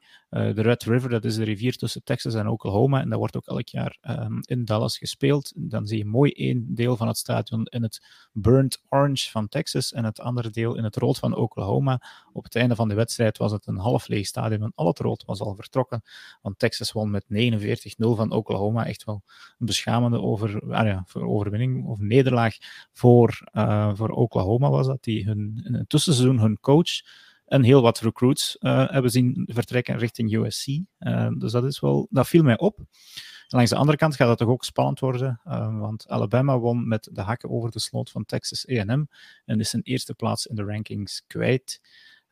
Die wordt nu terug overgenomen door de, de Georgia Bulldogs, maar ook de Ohio State Buckeyes. Um, die zitten daar nog op vinkenslag, of hoe zeggen ze dat ook weer. Dus uh, het, um, het was een leuke zaterdag, moet ik zeggen. En ik heb zondag eigenlijk weinig NFL kunnen zien. Ik heb meer college gezien. Ik had zaterdag of zondag de, zo'n humble brag, de, de dwars door Hasselt gelopen, maar dat heeft mij zo gepijnigd dat ik gewoon s'avonds in slaap viel. dus ja, heb ik meer college gezien dan NFL dit, dit weekend. En het was nog altijd met veel plezier zo de oude liefden opzoeken. Goed, oké. Dat is uh, de college kant. Nog iets over. Ja, nog even college. Ja. Natuurlijk, uh, Ale uh, Alexis en uh, Jens hebben al een heel mooie review van week 6 in college geschreven. Check het zeker op de website afcbelgium.com. Het is echt een uitgebreide review, dus ga rustig voor zitten. Doe het bij nummertje 2 op het toilet of zo. Um, en er komt ook weer een preview aan van week 7. dat is echt, het zijn mooie schrijfsels, moet ik zeggen. Dus, dus bekijk het zeker. Als je een DK'tje gaat doen. bijvoorbeeld. Op het karretje. Oké, okay, we hebben uh, college gehad. Dan uh, is er ook uh, fantasy. Je kunt ook op onze AFC Belgium pagina of via onze Facebook link ook iedere week de update zien van wat er in fantasy gebeurt. Het is tamelijk simpel. Alexander, onze redactielid, die heeft nu al drie van de vijf weken twaalf wedstrijden juist gepikt. Die staat ja. afgetekend aan de leiding. Uh, en er staan dan vijf mensen met drie picks minder. Dus je gaat, zoals ik op uh, de pagina zeg, je kuiten mogen insmeren. Uh, we hebben een survivor winnaar, dat is Jean. Die mag ons zeker een bericht sturen. Dat was na week vier al geklonken voor hem. En dan wat betreft de fantasy leagues. Drie teams in onze twaalf leagues die, hebben, die zijn net als de Philadelphia Eagles ongeslagen. De Cosmic Pytas, Gold Rush Niners en Purple Helmets. Maar er zijn ook 12 teams die 0 en 5 zijn uh, in de fantasy. En die gaan waarschijnlijk die playoffs niet meer halen. Um, en er zitten ook een paar wedstrijden die heel close waren. En die kun je uh, op onze uh, pagina's volgen. We hebben niet alleen fantasy, we hebben ook onze betting tips iedere week. En als ik dat bekijk, dan kan ik met een, ja, een, een goede week achter de rug, uh, twee juist, één verkeerd, ondertussen acht en zeven. Maar bij jou, Dirk, is het niet zo, loopt het niet zo vlot. Hè? Nee, het gaat van kwaad naar erger. Het is bijna zover dat ik. Uh, hetgeen dat ik denk dat gaat gebeuren, kan ik beter omgekeerd inzetten. Dan heb ik waarschijnlijk op het einde van het weekend wel geld gewonnen. Um, ja. Nu heb ik, gelukkig nog wel, ik heb uh, mijn account nog eens gecheckt, wel enkele bets nog gedaan nadat ik mijn zogezegde best bets had ingegeven en daar heb ik wel nog wel mee gewonnen. Ook omdat ik één keer per ongeluk een bet twee maal had ingezet. Maar, okay. ja. Ken je dat? Ja, je kunt, ja, ja, je kunt dat zoveel mogelijk zetten als je wil. Hè. Oeh. Dus ja, je kunt ook uh, die bettingtips volgen. Dus ja, ik ben voorlopig uh, up. En Dirk is wat down, maar ja, uh, het, vijf en kan keren. Ja. Ja, ja, ja. Vijf ja. en negen? Nee, vijf en tien. Dus ik heb vijf keer goed gegokt en tien keer fout gegokt. En uh, ja, ook, ook uh, de picks die ik voor dit weekend heb, ja, hm, zullen zien. goed, dan zitten we eigenlijk bijna aan het einde. We moeten wel een paar dingen doornemen. De eerste is, we hebben iedere week de winners en de losers. Wie is de winner van, uh, van jouw week, uh, Dirk? Van week 5? Misschien een beetje onverwachte naam, maar dat is Kenny Pickett. Um, ik kreeg... Sorry. Ja, Kenny Pickett.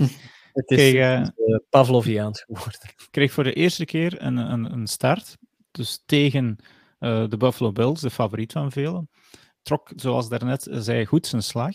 En heeft uh, ook, ook wat meer gedaan. Werd daar één keer laag getackled. Echt een vuile low blow van Carl Lawson was het, denk ik. Uh, die, als, het dan, als hij zijn voet in het gazon staat, is zijn been over. Dat, uh, dus de, en, en, wat doet hij dan? Springt recht. En het is, het is geen geweldig grote Kenny Pickett. Hij begint te vechten tegen Carl Lawson. Oké, okay, dus, okay, normaal gezien, als dat een echt gevecht is, dan kan je hem oprollen zoals een matje en naar huis dragen. Maar goed, zijn teammaats kwamen hem te hulp. En ja, volgens mij heeft hij dan zijn vuurdoop wel doorstaan. Dus dat is mijn winnaar, Kenny Pickett.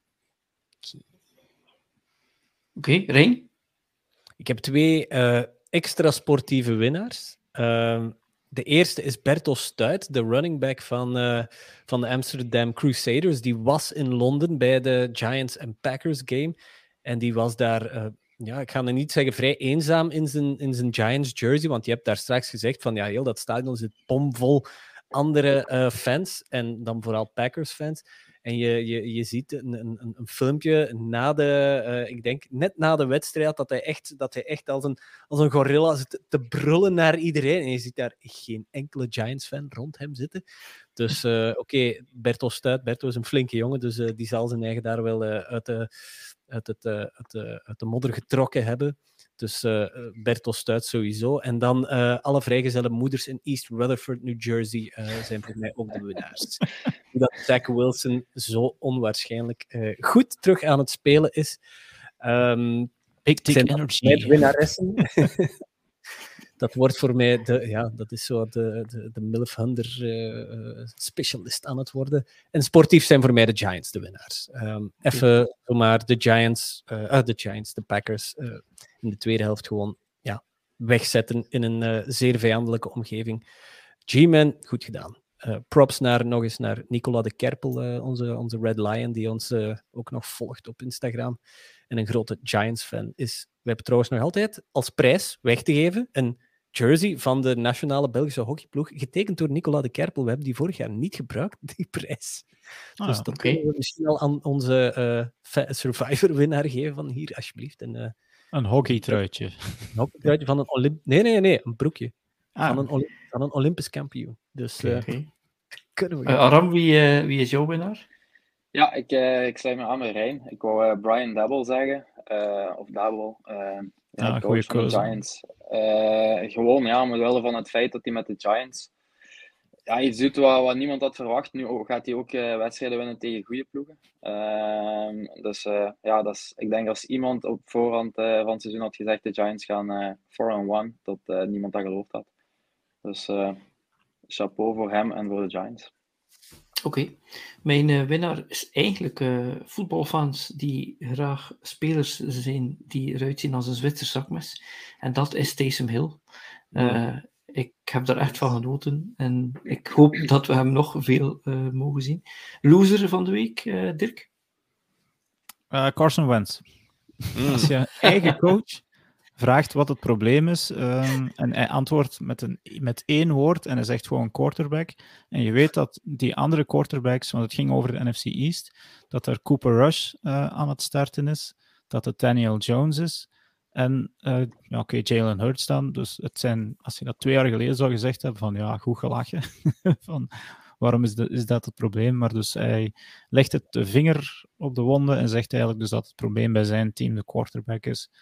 En het Wentz-experiment is volgens mij ook in Washington uh, ja, bijna afgelopen. Oké, okay. Jerome Bolger, de uh, whitecap van uh, de Falcons tegen de Buccaneers. Onwaarschijnlijk. Ja. Op pensioen, alsjeblieft. Alsjeblieft. Ja, kan ik beamen.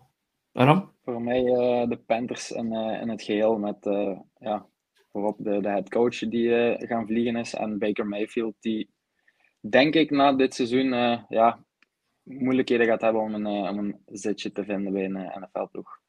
Hm. Oké, okay. losers voor mij zijn uh, analytics. Ik denk, je kunt zeker data gebruiken en analytics in deze sport, maar het moet een combinatie zijn van common sense, de hard en de data. En niet alleen dat blaadje die zegt go for it or don't go for it. Um, goed, als we voor, vooruitkijken naar volgend weekend, welke wedstrijd kijken jullie naar uit? Is er iets, Rijn, waarvan je zegt, daar ga ik voor zitten? Bills Chiefs op uh, zondagavond om, uh, wat is het, half elf s'avonds denk ik dat het hier gaat beginnen. Dat is, uh, als je daar niet je nek naar uit, als je daar niet je nek naar uitsteekt voor, voor deze wedstrijd, dan begrijp ik het niet. Dat wordt een, een klapper van je welste, hopelijk. Ja, ik denk dat we dat allemaal kunnen beamen, maar is er nog een andere die je op het oog hebt, Aram? Goh, um, ik ga eens even spieken, hè. Dat moeten we mm. allemaal aan geen zorgen. Ja, dus allemaal tijdens de podcast. Niemand zit hier zo. Uh, ja, nu Bills Chiefs is sowieso zo op papier uh, de beste wedstrijd. Voor de rest zijn er niet echt twee ploegen. Uh, de Vikings tegen de Dolphins zou ik dan zeggen. waarom? Gewoon omdat er heel veel goede wide receivers rondlopen. En dat kan altijd kans geven op een, ja, op een mooie touchdowns en wat mooie plays. Ik heb in Londen zelf trouwens een uh, aantal mooie plays van Justin Jefferson mogen beleven. Um, en als je ziet hoe die uh, man over het veld beweegt, is wel uh, indrukwekkend. Ja, vergeet ook dus, niet dat er een... Vikings Dolphins. Ja, er is ook een historische wedstrijd die interessant is voor jou, want de Patriots spelen at de Browns.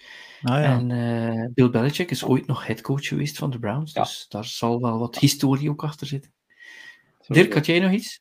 Goh, ik... Um Cardinals, nee, Cardinals Seahawks. Um, twee ploegen die keihard willen scoren en geen, en geen geweldige defense hebben.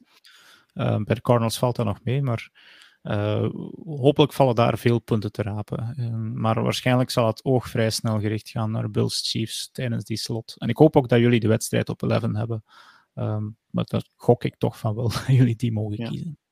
Ja, ik kies uh, dan ja, Bills Chiefs natuurlijk, maar misschien ook Cowboys at Eagles. Ja. 4 en 1 tegen 5 en 0. Uh, wie had dat gedacht? En ik denk dat dat ook wel een hele interessante uh, zal zijn. Nu, wij gaan hier bijna afsluiten. Sorry, wij gaan hier bijna afsluiten. Maar dat wil niet zeggen dat de podcast gedaan is. De live die, uh, is bijna voorbij. Maar we gaan hier ook nog het stuk van uh, de interview, interview die uh, vorige week gedaan is met uh, in Vancouver. Gaan we hier nog aan de podcast kleven. Wat er ook altijd interessant is, is dat we jullie willen laten weten dat wij overal te vinden zijn. En dat betekent dus Facebook, Twitter, Instagram, TikTok. Uh, Discord. Dus zoek gewoon al die links van waar wij te vinden zijn. En podcast op alle platformen. Maar jij, Aram, je bent ook wel een speciaaltje natuurlijk. We hebben heel wat TikTok-filmpjes van jou gezien. Je bent ook in de XSNO-podcast. Uh, hebben we daar iets gezien, denk ik. Ja. Waar kunnen de mensen jou vinden op de socials? Dus uh, op TikTok uh, ben ik vooral actief. Ik ga binnenkort ook uitbreiden naar, naar Instagram en YouTube. Dus dat is NFL Belgium.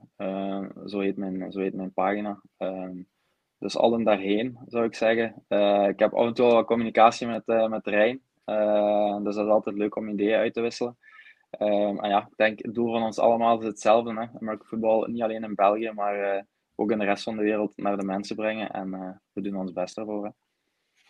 Ja, goed. Ik moet er wel ook bij vermelden. Uh, we hebben het interview straks met Thibaut, die is al een week eerder genomen. Ondertussen hebben ze nipt een wedstrijd verloren. Ze zitten sowieso in de playoffs met uh, de British Columbia Lions. Dus we gaan dat zeker blijven volgen.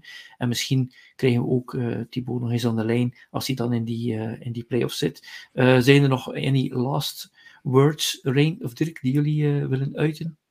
Ja, ik nog wel. Ja. Run the ball! Run the ball. Oké. Nee, bedankt in ieder geval ook, uh, ook voor de uitnodiging. Uh, ja, het is de eerste keer dat ik zo'n podcast doe. En uh, ja, heel plezant om met jullie over mijn passie te babbelen. Ik zal het zo zeggen. Mooi. Oké, okay, we waren heel blij dat je, dat je erbij kon zijn en dat je ook deze hele toffe sport helpt uit te dragen. Dus ik bedank Dirk, Rijn, Arm voor deze podcast. Ik bedank jullie natuurlijk allemaal om mee te kijken eh, via het YouTube-kanaal of eh, Facebook of te luisteren naar onze podcast. Ik zou zeggen, uh, maak er een heel goed voetbalweekend van. En we zien jullie weer, of we horen jullie weer volgende week. Tot dan.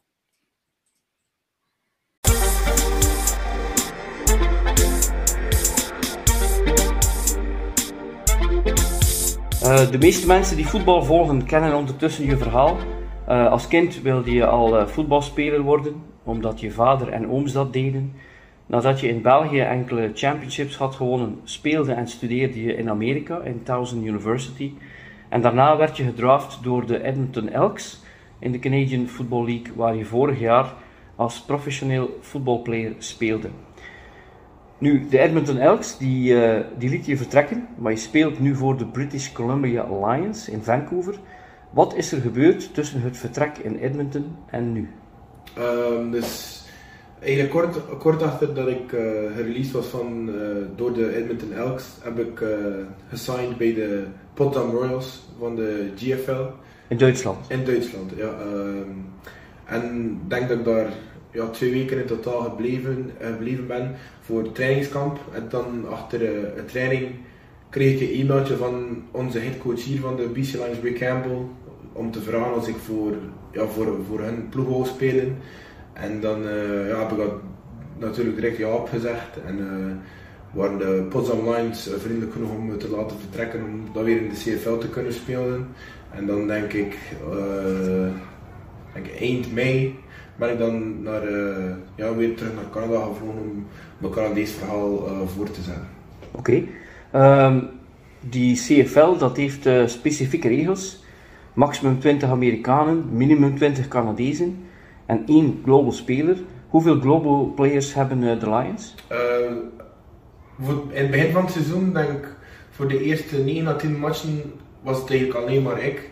En nu hebben we juist, uh, denk twee weken geleden, een Franse linebacker ook gesigned, die voordien voor de Rocklow Panthers speelde van de ELF. En achter het seizoen hebben ze, heeft, heeft BC dan hem ook gesigned. Oké. Okay. Die plaatsen voor global spelers of global players zijn beperkt. Maar denk je met wat je dit jaar hebt getoond dat je een kans maakt op een contractverlenging? Uh, ik, ik, ik, hoop van wel. Uh, ik heb ook al gebabbeld met de, met de, met de, met de GM en zo. Ze zijn wel redelijk content met wat ik al kunnen tonen heb dit seizoen. En mijn contributies op de, op de D-line en de rotatie dat, dat we kunnen inbrengen als er iemand moe is. Uh, kan ik erin gaan, als ik moe ben, komt er iemand anders in en zo hebben we een goede rotatie. En ik denk dat de coaches en de, en de ja, ik denk dat de coach dat wel gaat hebben. Oké. Okay. Um, je vader was een degelijke defensive lineman en een top fullback in de jaren 90. Ja. Uh, zijn oudere broer een top offensive lineman en de jongere broer quarterback en tight end. Ja. Allemaal in België natuurlijk. Ja, Wat deed jou kiezen voor de defensive line en dan nog eigenlijk specifieke defensive tackle? Uh, in het begin, als ik begon met spelen, wilde ik altijd running back zien. Uh, omdat, mijn pop heeft, had, dat ook gespeeld, dus had ik ook heel graag een fullback geworden. Uh, en dan heb ik ook linebacker gespeeld en dan op een latere leeftijd en ook vooral als, als ik naar college ging, had ik ook gedacht van dat dat mijn beste kans was om veel te kunnen spelen als defensive line. Als running back of fullback ben ik niet rap genoeg. En ja. voor defensive line had ik wel de grootte en de sterkte om defensive, defensive line te kunnen spelen. En ik deed dat ook wel heel graag. Dus ja. daarom dat ik daar voor defensive line gekozen heb. Okay. Uh, een paar jaar geleden zag ik je in college spelen. De indruk die je kreeg is dat je vergeleken met je medespelers enorm gefocust was. Tussen de drive zat je op de stationary bike, je was aan het overleggen met je coaches. Je was ook niet echt bezig met het feit dat ik daar was tijdens de wedstrijd. Terwijl veel andere spelers waren wat speels uh, daar bezig. Kan ik zeggen dat jij dan al meer bezig bent met de, was met de volgende stap dan je medespelers? Uh, dat zou ik niet echt zeggen, maar ik was gewoon op dat moment, nu tijdens de match ook, ben ik gewoon gefocust op de match. En is gewoon uh, doel van mij om zo, zo, goed mogelijk te spelen, om mijn ploeg te helpen om de, om de match te winnen. En dan achter de match kan je dan plezier hebben en, en babbelen over wat je wil, maar tijdens de match moet je, moet je altijd gefocust kunnen blijven. U zat in, uh, in Towson in college en in Amerika. Zijn er spelers waar je in Towson mee hebt gespeeld die nu professional zijn? Onze uh, left tackle, Andrew Garnett, is de starting left tackle voor de Edmonton Elks. Uh, ik denk dat hij nu al. Ze hebben hem eigenlijk uh, laat gesigned tijdens het seizoen. En sinds dat hij daartoe gekomen heeft, heeft hij al iedere keer de starting positie gekregen. Um, en dan nog uh, mijn kamergenoot van college, Bryce Carter. Hij speelt nu voor uh, de Ottawa Redblacks, de ploeg die we juist tegen gespeeld hebben, maar jammer genoeg was hij niet mee met de ploeg. Ik denk dat hij op practice squad nu, maar ook echt, denk dat Bryce Carter de, de meest talent, alleen niet talentvolle, maar de meest hardwerkende en beste speler die ik ooit heb mee, mee samengespeeld.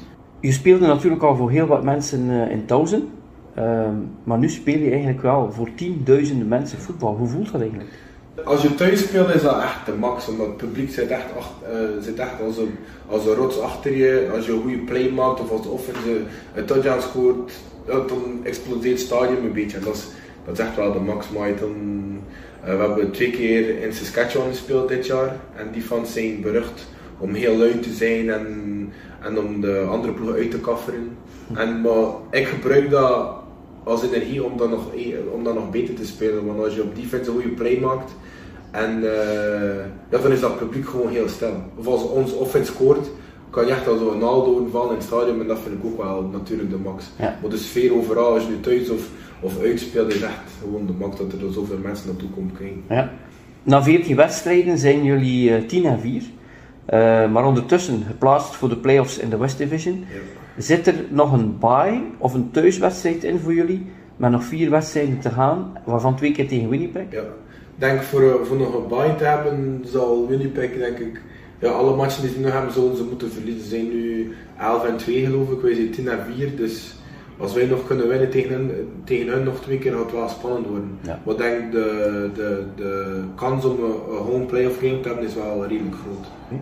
In week 12 waren jullie uh, 8 en 2, maar toen blesseerde quarterback Nathan Rourke zich. De, de weken na viel ook de backup uit en nu is Vernon Adams de starter. Rook, Rourke, sorry, die leek een, een, een, eigenlijk wel een MVP-kandidaat in de CFL. Uh, welk effect heeft zijn blessure gehad op het team? Uh, ja, hij had echt wel zo een controle over de offense dat andere QB's in de CFL nu dat dat niet hadden. Ja. Ja, dus de communicatie die had met zijn wide receiver, wist perfect waar de wide receivers gingen zijn.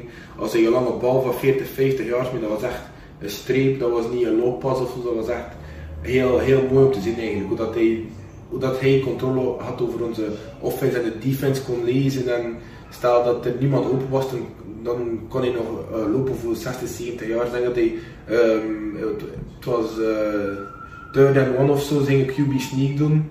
En je ziet iets in de defense en hij doet de audible en hij loopt zelf voor 60, 70 yards zo, voor de touchdown. En ja, zijn uh, blessure is natuurlijk ook een groot verlies voor onze ploeg. Maar nu met Vernon Adams in de, in de offense en hij heeft nu al denk ik twee, twee drie matchen voor ons gespeeld binnen nu weer hetzelfde te lopen. Dus hopelijk dat het zo kan blijven doorgaan. Heb je eigenlijk een bijnaam als buitenlandse speler? Ja, uh, onze, achter onze wedstrijd tegen Ottawa was een onside kick. En uh, een van de, van de, van, dus ik moest eigenlijk, mijn, mijn job was om eigenlijk gewoon een kerel te gaan blokken. En uh, ja, ik had dat redelijk goed gedaan. Ik zag, ik zag hem aankomen en hij zag mij niet aankomen. En het was echt gewoon like een trein die iemand omver liep. En vanaf dat moment uh, noemde onze specialteamscoördinator me de Belgian Express. En die noemde ja, iedereen me zo. Oké, okay, Belgian Express, mooie, mooie bijnaam. Ja. Ja, en eigenlijk Belgium, als we over België spreken. Uh, gisteren waren er vier Belgen in het stadion. Ja, ja, ja. Mensen die reachen out naar jou en die dan eigenlijk komen kijken. En dat is wel tof om te zien. Ja, dat was echt, dat was echt een max om de Belgische vlag in zo'n groot stadion te zien. En ik denk dat er ook niet veel mensen weten dat ik van België ben. En dan gewoon voor die Belgische vlag te zien, dat was echt, echt een max. En dan nog drie West-Vlamingen ook erbij, dus dat was echt, Ja. eh, Ja. ja, echt heel tof. Ja, en het is wel ook uh, natuurlijk aangenaam om dan op, op televisie, als je, dan, als je dan een tackle maakt of een, of een sack, Ja. dat je dan ook vermelden. Ja, en regelmatig vermelden ze er ook bij dat je uit België bent. Uh, dat is wel tof om dat te zien. Uh, nu, je bent van Gistel, een stad met 12.000 inwoners. Ik ben van Oostende, dat is dan 80.000 inwoners. Maar we zitten hier nu 7.700 kilometer verwijderd van West-Vlaanderen, in Vancouver, Canada, een stad met 675.000 inwoners. Hoe bevalt je dat? Ja, eigenlijk echt tof. Als je, als je naar Vancouver gaat, staat dat we eh, een keer geen training hebben of geen meetings. Ja, er is zoveel dat je kan doen in Vancouver en het is gewoon heel, heel groot. En de, de Canadese mensen zijn ook heel vriendelijk en zo en, en heel gastvrij. Dus het is, het is eigenlijk echt wel de maxi dit seizoen. Ja, hey, eh, vrijdagavond heb je gespeeld, dus Ja. ik heb je gezien op de wedstrijd. Ja. We spreken nu vandaag af om even te praten, maar je hebt ook de dag na de wedstrijd Ja. heb je ook zaken moeten doen. Wat moest je vandaag doen? Natuurlijk. Uh, om 11 uur hadden we meetings vandaag. Denk, uh, een uurtje na hadden we een meeting zo om gewoon special teams film te bekijken en dan onze, onze defense te bekijken. Ook over de fouten gaan en wat we goed gedaan hebben, wat we slecht gedaan hebben. En toen erachter uh, heb ik denk ik voor een uurtje getraind. Dan in de sauna gezeten en, uh, en dat was dan eigenlijk voor vandaag. En dan morgen en maandag moeten we niets doen. Dus typisch, de typische week voor jullie is vijf dagen werken Ja, ja. en twee dagen... eh, Ja, normaal wel, als we geluk hebben. Als het een korte week is dat we zaterdag een match hebben en dan direct weer vrijdag ook, dan gaan we dan, eh, meestal hebben we dan maar één dag vrij, dat is dan de zondag. En dan maandag is het dan eh, meetings en walkthrough, niet te zwaar maken. En dan dinsdag, eh, dinsdag woensdag training, donderdag dan de, de, het vliegtuig pakken dan waar we moeten spelen en dan vrijdag spelen. Oké. We weten dat je leeft voor je sport en dat er eigenlijk wel een droom is die uitkomt, Ja. wat je al uh, in eerdere interviews. Uh, en een carrière uitbouwen in de CFL, dat zou die droom nog mooier maken. Maar is er een kans dat je nog een stap hoger kan in, in de NFL? Ja, je weet natuurlijk nooit, maar voor, voor het moment, dat is natuurlijk de maximum voor in de NFL te kunnen spelen. En ja, dat is nog altijd, uh, de CFL is ook een heel, heel, heel hoog niveau, maar ja. Ja, het grootste verschil tussen CFL en NFL in mijn ogen is eigenlijk gewoon, je wordt, heel veel, je wordt veel meer betaald ja. dan, dan, in de, dan in de CFL. Ja. Uh, dat zou natuurlijk de maximum voor in de NFL te kunnen spelen, maar waar dat nu zit ben ik al heel blij en content. En dat had ik zelf nog nooit kunnen dromen. Ja. Dus uh, als ik nu ja, een succesvolle en lange carrière in de CFL zou kunnen hebben, dan uh, ja, ik gelukkig, gelukkig dood ja. als ik ook ben. Maar ik zie ook wel dat, uh, nu zie ik dat ook helemaal anders door jezelf te zijn en die wedstrijd te zien. Uh, voor een Amerikaanse speler of, of een, een, international player, ja. eigenlijk als college voorbij is, dan is het eigenlijk bijna gedaan. Ja. Je kunt in Europa wel in bepaalde ploegen ja, daar iets mee bij verdienen, maar hier ben je een echte professional. Ja, Nu, uh, het is voor mij nog altijd unreal dat we in Oostende eind jaren 90 samen met jouw vader en je ooms voetbal hebben opgestart, from scratch. En dat ik nu, nu met de zoon van een van de pioniers zit te praten. Uh, zijn er nog Belgische spelers die jij kent of die we moeten volgen, die in jouw voetstappen kunnen, kunnen treden? Ja, natuurlijk. Uh, we hebben Sylvain. Uh, hij heeft altijd voor de Brussel Bulls gespeeld en Black Angels denk ik ook. En hij speelt nu bij Georgia Tech, doet dat ook heel goed. Hij is een starter, was denk ik vorige, vorige match was hij ook kapitein Mhm. mm -hmm. van de ploeg, wat dat ook ja, heel denk de eerste Belgische kapitein voor Georgia Tech. Uh, en dan nog Matthijs Lazore, die speelt voor William Mary, dat is de, dezelfde conference dat ik altijd ingespeeld heb. En hij doet dat voor het moment ook heel goed. En ik zou zeggen tegen, tegen hen van gewoon blijven door te doen. Dan, ja, ik ben ook maar naar een kleine school geweest en ja, nu ben ik nog altijd uh, prof. Dus ja, oké. Okay. Dat zijn eigenlijk twee gasten die, die voor het moment heel goed doen voor de, voor de baan. Oké, okay, het was zeker de moeite voor mij om eens uh, naar de andere kant van de wereld te vliegen, om jou echt aan het werk te zien. Ik vond het heel tof. Uh, bedankt alsjeblieft voor dit interview. En waar kunnen mensen jou volgen op social media? Uh, ik denk dat ik het meeste actief ben eigenlijk op uh, Instagram. Dat is gewoon met na Typo Dubai, kleine letters aan elkaar. en dan misschien op Twitter ook gewoon hetzelfde, typo, typo Dubai, kleine letters aan elkaar. En dat is het, dat is het eigenlijk. Oké, okay, is goed. Ja. Ik zou zeggen tegen mensen die het voetbal volgen in België, is het NFL of is het college? Uh, probeer zeker ook iets mee te pikken van uh, CFL, nu je weet dat uh, onze eigen Thibaut hier speelt. En we zullen hem ook zeker verder volgen dit seizoen, soms tijdens onze podcast of in onze updates. Tot ziens.